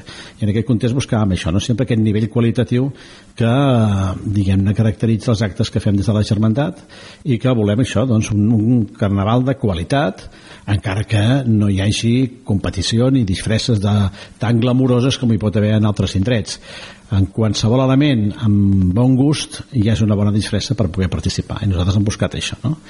que ens ha costat el seu, que esclar, és, eh, diguem-ne, en el que és el vestuari, doncs eh, la confessió està realment laboriosa partint de zero i els materials que hem utilitzat han estat materials sempre de nivell, no qualsevol tela serveix per poder fer aquest vestuari. L'acollida és espectacular, la gent ja ho està esperant i en aquest sentit doncs, estem extremadament agraïts al conjunt de la ciutadania per aquest fet i la gent pregunta quan surt, doncs de sempre, el dimecres, el dia abans de dijous graus a les 7 de la tarda i el dimecres de cendre, la quaresma, també a les 7 de la tarda i amb dos balls des del campanaret. I també dona doncs, una mica de narrativa no? de història, de, de, de, de veu i de, i de narrativa en aquests, en aquests personatges no? que a vegades també aquí a casa nostra jo també els he vist a vegades una mica doncs, sense, sense narrativa més enllà de la festa i la disbauxa Sí, eh, en aquest sentit, no? Hi ha un personatge que uneix els dos balls, que és el camarlenc, que és com el que mestre de cerimònies, no? que fa una introducció i una explicació i dona una mica de peu a cadascun dels balls. En aquest sentit, fa la presentació dels personatges i cada personatge interactua, per una qüestió de màscares no poden parlar, no, en aquest sentit, però interactuen amb el públic, especialment els pecats, no que són més, diguem-ne, descontrolats. Per això són els pecats. No? Les virtuts són més recollides, és bastant més solemne, és un contrast una amb l'altra. No? Les virtuts són extremadament solemnes, rígides, el que busquen és que torni la rectitud en el conjunt de la ciutadania, que és l'antagonisme del tema dels pecats, no? que busquen que la gent es desmadri no? i que pequi al llarg d'aquests dies i si pot ser al llarg de l'any també. Dijous eh, surt la, la plenària al complet de la germandat dels set pecats capitals espargir les cendres de l'anterior monarca i el dimecres doncs, donen fe de la mort del monarca i recullen les cendres eh, aquesta és la seva missió eh, particular no? de, de la germandat dels set pecats capitals Jordi? Bé, és un element que dius mmm, què passava? Que se'n cremaven carnestoltes i quedaven totes les restes de les cendres allò mig de la plaça i van dir, per què no fem una recollida de les cendres i tot un cerimonial en aquest sentit com a preservar l'esprit carnavalès no? que ha quedat reduït a cendres i és aquest fet, no? I per tant, com que custodiem les cendres al llarg de tot l'any, no? Cada primer dimecres de mes fem una vella d'aquestes cendres i una mica per recuperar aquest esprit, doncs evidentment el dijous gras el que fem és invocar la presència del carnestoltes i en aquest sentit el que fem és espargir el que són les cendres de l'anterior a través d'una invocació i també d'un seguit de, de requeriments a la ciutadania de compromís, de participar i de ser fidels al seu monarca que està a punt d'arribar, no? això el dijous gras i aquesta fidelitat de la ciutadania a el que és la figura de Carnestoltes en aquest sentit, quan ja han fet la promesa i han fet aquest jurament, doncs ara sí que invoquem que vingui el rei i donem pas a l'acte del pregó, o l'arribada o l'espectacle que hi hagi en cada any preparat per aquest esdeveniment parlant de compromís i també de tradicions, eh, cada vegada s'estan suspenent més actes en, en, en enguany. És la batalla del confeti, retallant els horaris. Cap a on va el Carnaval de, de Reus? Uh, jo dic que no s'ha retallat no, no, no s'ha posposat perquè diuen que s'ha posposat, no? que és una prova tècnica jo crec que s'ha retallat s'ha retallat en recorreguts, s'ha retallat en actes i és una mica aquesta part de cadent del carnaval no? potser hem de fer un gir i plantejar el què, el com i el quan si una cosa es degenera doncs hi ha un moment que al final dius prou i s'ha acabat i la batalla de confeti considerem que és una d'aquelles coses que s'havia arribat a un punt de degeneració no? de problemes de seguretat suposo que també haurà intervingut el tema de l'administració no? l'Ajuntament, la Guàrdia Urbana, Vialitat ha hagut un canvi de govern, també cal tenir en consideració, tot i que cultura encara està en mans del mateix polític que l'anterior, doncs eh, el que és l'alcaldia no, i en aquest sentit hi ha hagut un replantejament, hi ha hagut una escurçada d'espais per al tema de rues i també la batalla de confeti ha estat com escapçada. Nosaltres a l'exposició plantegem que és un dels actes que també ha desaparegut, juntament amb el Festapols, la Guerra de Tomaques, altres activitats que s'han anat perdent al llarg d'aquests anys. No? Eh, s'ha de fer un replantejament. Nosaltres com a associació fa més de 10 anys que hem posat damunt de la taula aquesta proposta de seure, parlar-ne i a veure a nivell general, no només un diàleg de tu a tu a nivell de germandat i administració, administració i germandat, sinó fer un debat obert entre els agents implicats i a partir d'ahir dir on estem, què fem? I on volem arribar. Bé, aquesta, aquesta proposta està damunt de la taula fa 10 anys, o potser en fa 12, i no hi ha resposta per part. Nosaltres sempre disposats, diguem-ne dia i hora, i anirem a la reunió i allí n'hi parlarem del tema, però cap on va? Mm, bueno, el que dèiem abans, no? que està agonitzant. Esperem que no arribi a, a afinar el seu, la seva trajectòria perquè és una festa que realment és participativa. No hi ha hagut resposta per part de, de les autoritats? La resposta és molt interessant la proposta, molt interessant la proposta, molt bé, ja en parlarem i que dies passa en xampeny i han passat per quatre regidors diferents. I per tant, és clar, arriba un moment que dius mira, fins aquí i nosaltres anem doncs seguint la nostra trajectòria fent les nostres propostes i anem aguantant fins allà on puguem. I a partir d'allí, el dia que diguem prou fins aquí, plantarem i haurem acabat la nostra trajectòria. I ningú s'ha d'escandalitzar per aquest fet. Si no hi ha una resposta per, per generar un debat com a mínim, potser estem equivocats nosaltres no? en aquest sentit, ah. però si no hi ha aquest debat i aquesta reflexió, doncs estem en aquesta situació Recordem horaris de els magnífics balls del Carnestoltes i els Set Pecats i de la Quaresma i les Virtuts, en Jordi Sisa. Doncs dimecres dia, avui és dia 6, dia 7 mm. dimecres dia 7 de febrer a les 7 de la tarda des del Campanaret perquè no sigui de Reus això es troba al final de carrer Llobera gairebé tocant a la plaça de Llibertat arrenquem a les 7 des d'aquell espai fem un recorregut pel centre històric i finalitzem el que és a la plaça del Mercadal El divendres de la setmana que ve, és a dir, dimecres de cendre, també a les 7 de la tarda, també del mateix lloc del Campanaret, hi ha el Ball de la Quaresma a les 7 Virtuts, el que recorregut és una mica més llarg perquè acabem a la plaça de les Peixateries Velles, on es descobrirà la imatge o la figura de la vella Quaresma que, eh, que fem és enllaçar no, la festa del Carnaval amb la figura del Vella Quaresma que al llarg de les properes set setmanes doncs, aniran les escoles neteant les cames fins que arribi ja el període finalitza el període quadresmal i entrem ja en la Setmana Santa I ja ho I saben això també moltes la... altres actes, eh? el pregó que es fa a les 9 de la vespre eh, l'enterrament que també es fa a partir de les 9 de la vespre el dimarts, etc etc. etc etc i no oblidin tampoc l'exposició del, del Palau Bufarull ni a l'aparador de, de Cal Navàs on poden veure el, la figura del Carnestoltes del 94 94, sí, sí, sí 30 30, anys ja, déu nhi Jordi Sisa, president de la Germandat dels Set Pecats Capitals, moltíssimes gràcies per acompanyar-nos i, i ens veurem aquests dies de Carnaval. moltes gràcies a vosaltres per convidar-nos a parlar i evidentment aquests dies de Carnaval ens veurem pel carrer Una abraçada, Jordi. Estàs escoltant Carrer Major. Criden fort com si tot aquest volum de veu els donés la raó. Preparats per marcar-nos les tendències noves que es porten en guany paga i et donaran tot el Doncs vinga, que ara toca, després del Carnaval, parlar de publicitat. Com cada 15 dies, amb el nostre publicista de capçalera, en Xavi Franco, que el tenim als estudis de Ona la Torre i que avui ens parlarà d'una campanya d'una coneguda marca de cerveses que han decidit barrejar tradició, modernitat, eh, clichés i els està sortint molt bé. Xavi Franco, bona tarda. Hola, bona tarda. Com estem, Toni? Nosaltres espectaculars. I tu com estàs? Perfecte. Bé, bé, aquí molt ben acompanyat per l'Anna, plaça, o sigui que estic perfecte. estic perfecte. Anem a parlar de la campanya de Cruzcampo. Sí. D'on surt aquesta nova campanya de Cruzcampo? Uh, hauríem de fer referència, si em permets, Toni, al dia 25 de gener de, del 2021.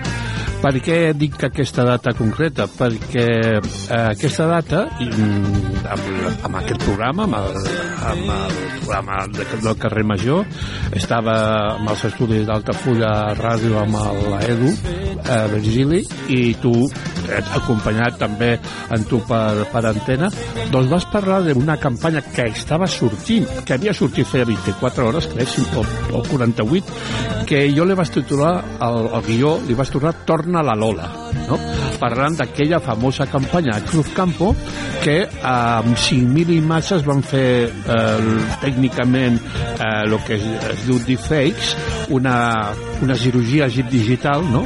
i van eh, eh, ressuscitar la Lola, a la Lola Flores, amb aquell spot que dura, eh, que eh, petites fra, fragments d'aquells spots i tal, eh, ha durat 3 anys. Vull dir, estem parlant de l'any 2020, eh, 2021 i ha durat fins ara, no?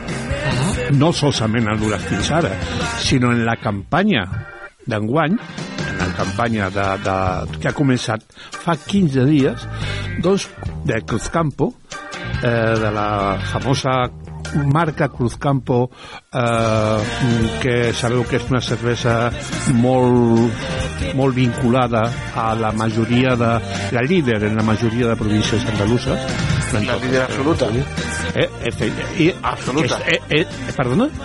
absoluta, és líder absoluta a No. Andalusia No, bueno, en Andalusia sí, però no en totes les províncies. Per exemple, en Màlaga el, el líder és San Miguel i en Granada crec que és Alhambra. Però en general, a nivell de consum, si més no, segur. Recordem que Cruzcampo ja no és de, eh, de producció local, sinó és per tenir, la producció sí, però la, la propietat és de, Heinke, de Heineken, eh, de, de l'empresa holandesa, no? que està darrere. No? Bé, doncs tornem a la història. No? Pues, a, a, arrel d'aquella primer spot que va començar amb la plataforma con mucho acento, recordem la Lola Flores, etc.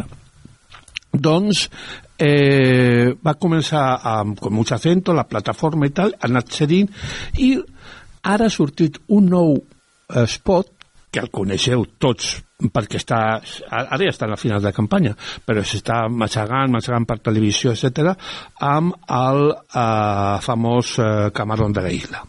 Sí, I la història és... mo- Sí, Xavi, Digues, digues. eh, dona un reforç potser també a vegades per aprofitar aquests localismes o, o parlar d'una mica del, del territori, de, de vendre la marca com a, com a teva, entre cometes. Mm, què vols dir, Aleix? Potser al final, no, que tots aquests anuncis també parlen o, o, o marquen, s'emmarquen, doncs, com en el cas de, de Totalment. Vull dir, ja va començar amb les flores, però és que ara ho han... Vam començar amb les flores, que aquell va ser un magnífic, magnífic espot, i, i, i l'estela aquesta ha anat seguint fins ara, no? I en aquest cas, eh, ostres, tu, va- però és que va ser, va ser molt bo perquè aquest, aquest esport de televisió, el que estem veient, no estava planificat en un, en un principi i eh, resulta de que van descobrir la dona de la viuda del Camarón de la Isla. Recordem que el Camarón va morir el 1982 no o sigui, ja fa eh, bastants anys a l'any de l'Olimpiada, eh, però van descobrir la, la, la dona, que té tots els drets, etc, els guitarristes i sobretot el productor de l'estudi de gravació on van fer un disc en l'any 1989, el disc es deia Soy Gitano, al, al Camarón de la Isla, van, que van veure que existia una pista una pista sonora, no? que llavors, pues, ara no sé com ho fan, però llavors eren cintes obertes, etc amb 36 o no sé quantes pistes, i eh, van descobrir que després de la gravació d'una de les gravacions mm, d'una cançó, d'alguna cançó de, de, de Camarón, doncs prenien, és normal que després, pues, en moment de relax o mentrestant, fem una parada de 5 minuts de hora i tal i qual, prenien una, cruz, una cervesa i era Cruz Campo. Llavors, est estava obert el micròfono i el Camarón va començar a tocar palmes i no sé què, i amb els companys, i de, va, un, una de les cançons, aquesta de Soy Gitano, que, que diu textualment de la Cruz Campo yo no me quito, de la Cruz Campo yo no me aparto. O sigui, va, va treure la, va incloure la paraula de Cruz Campo. Era una pista, no? Una, una, va quedar gravat. Com els Beatles, no? La pista perduda, aquella de la cançó dels Efectivament, Beatles. efectivament. Pues ara han recuperat a, a, a Camarón allò, de la Cruz Campo no me quito, de la Cruz Campo no me aparto.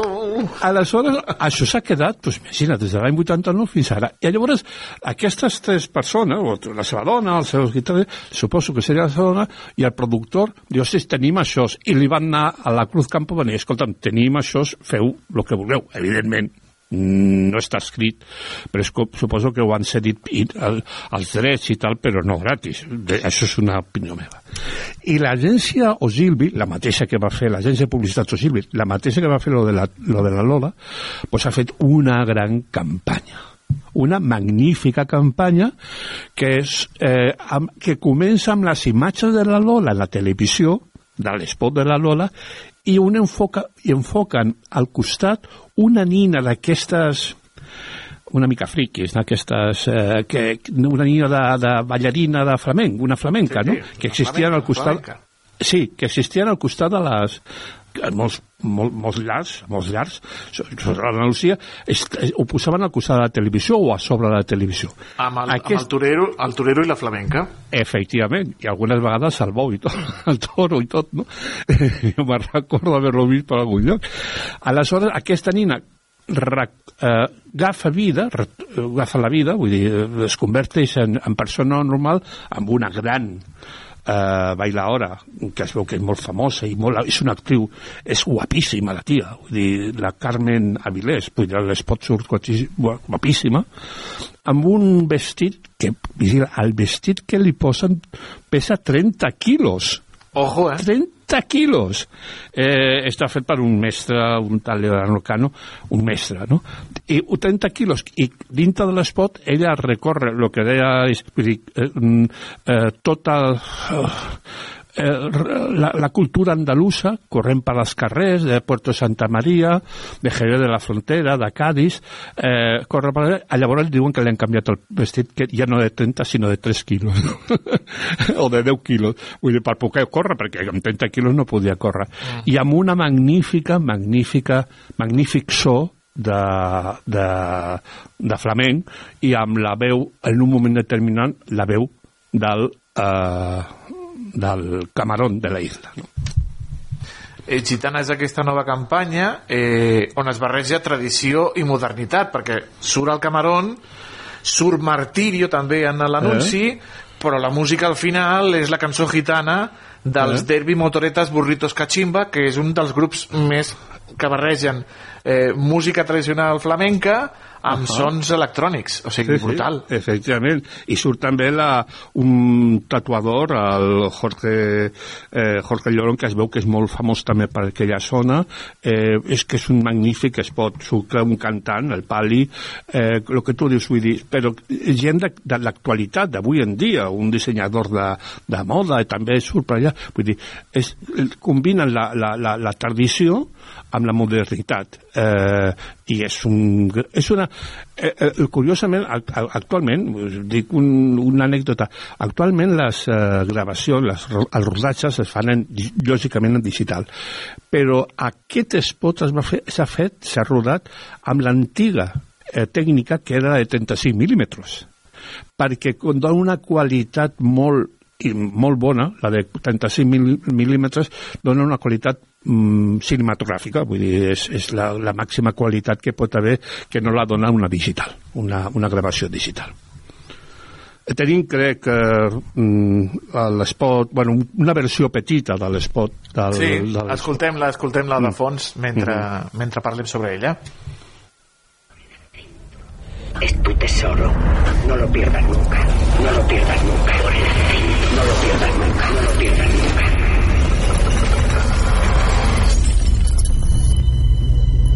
Veus, aquí tenim l'Alba Flores. Sí, la de la Flores Nunca. parlant de l'espot de fa tres Anterior.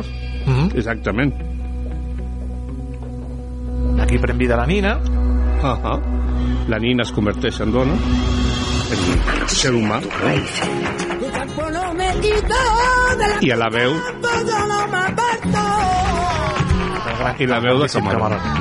El grandíssim Camarón. I després la música es transforma amb la modernitat del Derby. Motoreta Burrito Cachimba. M'encanta el nom. Efectivament, efectivament. Que és una, i una gran composició musical, eh? Per, per, jo no entenc molt d'això de, de flamenc i tal, però reconec de que està molt... T'enganxa, aquest espot t'enganxa. I a més a més, tenint en compte de que està fet per una multinacional, està fet... Vull dir, la, la, les filtres que han passat i la identificació que han tingut que fer els creatius amb aquesta cultura andalusa i amb tot, amb, amb, amb el que significa man, mantenir l'espírit, perquè clar, Camarón de la Isla, per als persones que estan que, que, ho- que ho entenen, no com jo, no? Que, que, que són fam... que- Vull dir, és un, un, és un mite, és, un, Sí, sí, és una referència, és un, és un icono, no? Eh? I més clar, aquest icono amb aquesta eh, amb, amb la resta, amb l'espot, amb aquesta bailarina, amb aquesta bailaora, i han, surten tan altes bailaores, etc. és una gran obra eh, cinematogràfica des del punt de vista publicitari, naturalment. Doncs hem parlat d'aquest nou anunci de la Cruz Campo amb el nostre publicista de capçalera, el Xavi Franco, que cada 15 dies ens visita aquí al carrer Major. Xavi, una abraçada, moltíssimes gràcies per il·lustrar-nos de, de, la, de la Cruz Campo no me quito, de la Cruz Campo no me salgo. Efectivament, igualment, Doni. Vinga. Adéu, Xavi. Adéu. Carrer Major, el programa degà de les emissores del Camp de Tarragona. Ràpidament amb els ODS, eh, estimat Aleix. Som-hi, i avui a la secció dels ODS viatgem a El Salvador. I sí, després d'unes eleccions presidencials inclús controversials on ha estat escrit de nou Nayib Bukele, també hi ha un espai per parlar d'iniciatives on aportar una mica de llum en un país on malauradament es vulneren de manera constant aquests drets de les dones, aquests drets de les dones. Ens en distem dintre de l'ODC número 10, dedicat a la reducció de les desigualtats, i el número 11 de comunitats i ciutats sostenibles.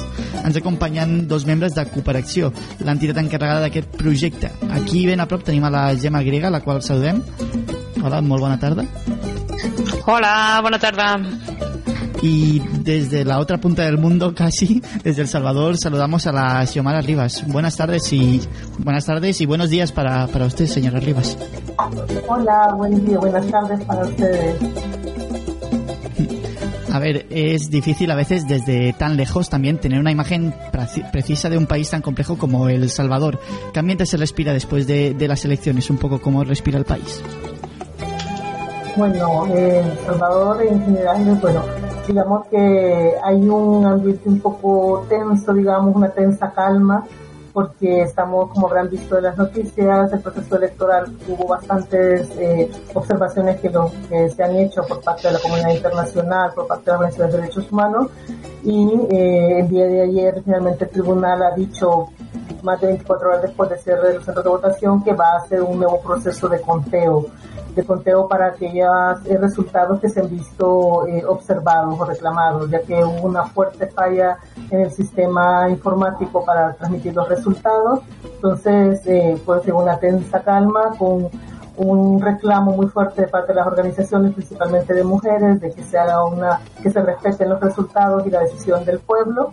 Y eh, pues ese es el momento en el que estamos ahora. Y hablando en este contexto tan complicado, eh, Gemma, ¿cómo surge esta, esta iniciativa para buscar pues unas ciudades seguras para, para las mujeres? Bueno, pues la iniciativa surge ¿no? de nuestro trabajo de Cooperación. Cooperación somos una organización feminista de cooperación internacional.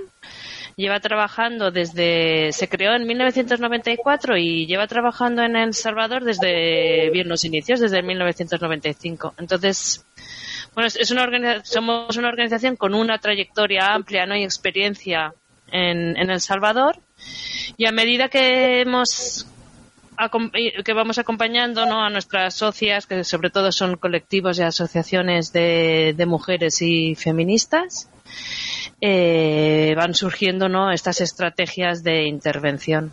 Entonces sí que con el apoyo del Ayuntamiento de Tarragona hemos llevado a cabo un proyecto de, con, con una socia, con una colectiva eh, feminista, de cómo se construyen ¿no? ciudades seguras, inclusivas, sostenibles eh, y que pongan ¿no? en, el- en la sostenibilidad de la vida no también en el, en el centro. Entonces surge ¿no? de toda esta estrategia conjunta, de cómo ¿no? nos encontramos una organización de cooperación internacional no con colectivas y asociaciones en, en este caso en El Salvador. Y creo que, que bueno que Xiomara sí que nos podrá explicar un poquito más de cómo se ha llevado a cabo ¿no? el proyecto y cuáles han sido eh, tanto impacto como, como resultados pero pero pero además también como cooperación llevamos a cabo acciones no a nivel de, de Tarragona. Y en Tarragona sí que tenemos un, un grupo de personas voluntarias afines etcétera que participan en unas escuelas populares de unas escuelas populares que vamos organizando de, de, de economía feminista y también hemos llevado a cabo como un proceso de identificación de, de a nivel de, de iniciativas de soberanía alimentaria ¿no? en el territorio. Y en el caso de El Salvador, ¿cómo llega eh, toda esta ayuda, todo este trabajo desde Tarragona hasta, hasta el país de Centroamérica? Bueno, como decía Gemma, nosotros tenemos como una aliada, bueno, tenemos diferentes socias con las que trabajamos con organizaciones de mujeres y una de ellas es con la colectiva feminista, es una organización de una larga trayectoria en el país, referente dentro del movimiento feminista salvadoreño y que entre uno, entre otros territorios en los que trabaja está el área metropolitana de San Salvador, que es este conglomerado que rodea la capital, aproximadamente 14 municipios con una población de cerca de 2 millones de personas, en la que se concentra la mayor parte de la vida económica y social. Entonces, acompañar eh, con este proyecto lo que pretendemos es acompañar a las mujeres organizadas de los territorios, pero también a su oficina de planificación, eh, similar a lo que sucede en Barcelona o en otros espacios. El Salvador tiene una un comité de alcaldes de este grupo, de este sector, de esta área, que tiene su oficina de planificación. Y dentro de su oficina de planificación está un área muy importante para nosotros, que es el área de género. Entonces, la unidad de género es la con la que hemos venido trabajando desde la colectiva feminista, acompañándola en diferentes momentos hasta que hemos logrado, eh, han construido de forma interna con el apoyo de la cooperación un plan de la incorporación del enfoque de género a todas las áreas. Entonces, En el proyecto actual estamos, bueno, se ha hecho el proceso de elaboración del plan, una discusión con los alcaldes, la definición de estrategias, eh, la formación misma, es la etapa en la que nos encontramos actualmente, del personal, no solo de las oficinas del área de la unidad de planificación, sino que también hacia las alcaldías. Entonces también hemos iniciado un proceso de formación con los responsables de la unidad municipal de la mujer de las 14 alcaldías y de otras áreas vinculadas en cada municipalidad, como para acompañar desde una política pública construida desde un enfoque de diversidades eh, la participación de las de las mujeres. Entonces, eh, digamos lo aterrizamos de esa forma. Y ahí pues contamos con el apoyo de Tarragona para hacer el financiamiento de la cooperación de Tarragona para poder implementar estos planes y que luego se traduzcan en acciones concretas en la vida de las mujeres. Y claro, y generar seguridad, no entiendo, entre las mujeres de, de, El Salvador. Sí, sí, bueno, eh, El Salvador eh, por muchos años ha sido conocido lamentablemente por una situación de problemas de delincuencia y de violencia social muy fuertes, en los cuales la violencia hacia las mujeres, la violencia machista son uno de los factores importantes que se viven. Entonces, estos planes lo que buscan es generar estrategias de seguridad para las mujeres en las ciudades, concientizar tanto a los tomadores de decisiones, a los titulares de las alcaldías, pero también trabajar con las mujeres sus estrategias entonces, eh, el enfoque de esta propuesta es eso, que los planes trabajan en medidas efectivas que apoyen a identificar cuáles son estas zonas de mayor riesgo o cuáles acciones pueden desarrollarse que generen una diferencia en reducción de violencia de género, desde acoso callejero hasta otro tipo de violencia y la gente que nos está escuchando aquí desde el Camp de Tarragona, Gemma, en este caso, ¿cómo puede aportar su granito de arena un poco a ayudar a dar soporte a este proyecto? Bueno, pues la verdad que, sí que es importante ¿no? que nos apoyen a nivel de proyecto, pero sobre todo que nos apoyen a nivel de qué, acciones de incidencia estamos llevando a cabo aquí ¿no? en, en Cataluña y sobre todo en, en Tarragona. Por ejemplo, dentro dentro de, estas acciones que, llevamos a cabo en Tarragona, también hicimos una marcha exploratoria para identificar, ¿no? En, un, en el barrio de, en, un barrio de Tarragona, bueno, fue en el centro, de, con un grupo de, de mujeres y personas exogénero disidentes de cómo se percibían, ¿no? Y qué espacios cómo se percibía el espacio, qué espacios eran seguros, qué no eran inseguros. No solo habla, se hablan tampoco, también de cuestiones de seguridad, sino también de cuestiones como cómo es la acera, ¿no? si es estrecha, si es grande, si por aquí podríamos llevar a cabo no pues labores de cuidados como llevar eh, el cochecito de, una criatura o o a una persona con, si una persona con discapacidad podría también trasladarse por esa acera, por esas por esas calles, si están iluminadas o no. Entonces sí que cómo se podría implicar la, ciudadanía de Tarragona, sobre todo sería es lo que nos interesa realmente es que nos apoyen, ¿no? En esta incidencia que llevamos a cabo para hacia el ayuntamiento, ¿no? Y hacia las instituciones catalanas. Que, que al final es una cuestión de justicia global, ¿no? Que estamos aquí para, para acompañar a estos movimientos de, este sur global, pero que también intentemos no relacionarlo el cómo está este sur global aquí en Tarragona, ¿no? Si realmente las personas racializadas tienen el mismo acceso a derechos, cómo, cómo, cómo están, cómo si las personas también con discapacidad, etcétera. Entonces hay un hilo ¿no? que conecta también El Salvador con el Campo de Tarragona. No son sitios tan distintos, ¿no? También tienen las mismas necesidades eh, muchísimas gracias, Xiomara Rivas y Gemma Griega de Cooperación por venir aquí a contar pues este proyecto tan, tan ambicioso y a la vez importante en, en sitios quizás muy lejanos, pero también parecidos en, en objetivos. muchas gracias, Por, la, por, la, invitación. Un gusto saludarle. Adiós. Muchas gracias. Un saludo.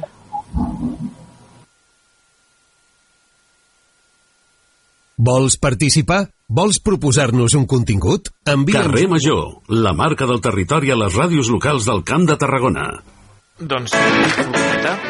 La furgoneta, la cinta de la furgo, que cada dia ens porta la Cristina Artacho i que, com està de carnaval, avui se'n va menjar, que és llesta, botifarra d'ou. Ojo, eh, la Cristina mm, va aprenent, va aprenent. No, no, A veure, Home, dijous gras ja toca, no? Eh, sí, però ella ja va avançada. Cristina Artacho, on has, a menjar, on has anat a menjar aquesta botifarra d'ou, estimada? Bona tarda i benvinguts un dia més aquí a la Furgo. Ja sabem que el carnaval és festa, música, plomes, disbauxa, però també té altres àmbits i avui venim a parlar precisament d'això, del carnaval gastronòmic. Eh, Coneixem la coca de llardons, però avui concretament venim a parlar de la botifarra d'ou. Per parlar-ne m'acompanya el Marc Torija, que és l'encarregat de l'obrador de la cancel·laderia Maria Jesús, que és una empresa familiar que es troba aquí a Tarragona, a la emblemàtica plaça del Fòrum. Molt bona tarda, Marc. Molt bona tarda.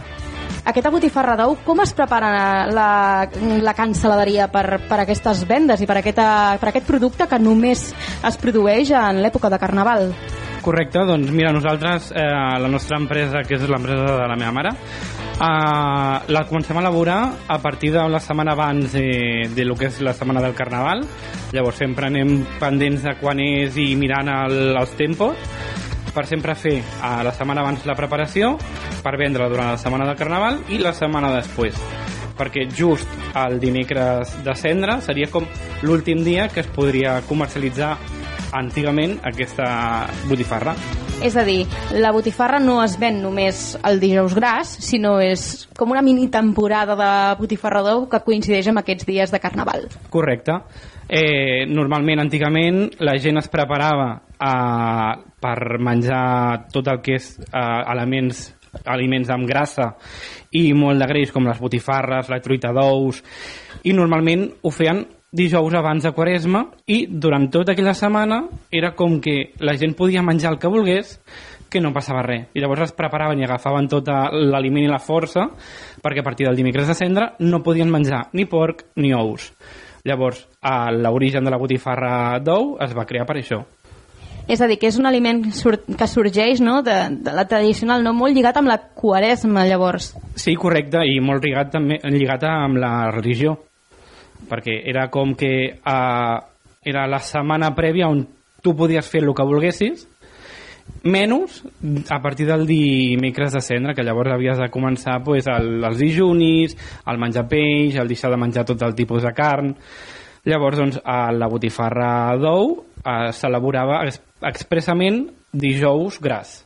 És a dir, que és com que la setmana anterior a començar la quaresma i a començar com aquesta etapa de dejú es permetien menjar de tot i més greixós i, i passaven de la dieta completament, no? Correcte, perquè abans doncs, no, no es tenia tant en ment de les dietes, llavors sí és cert que eh, eren dies que la gent podia menjar absolutament el que volgués i no hi havia límit.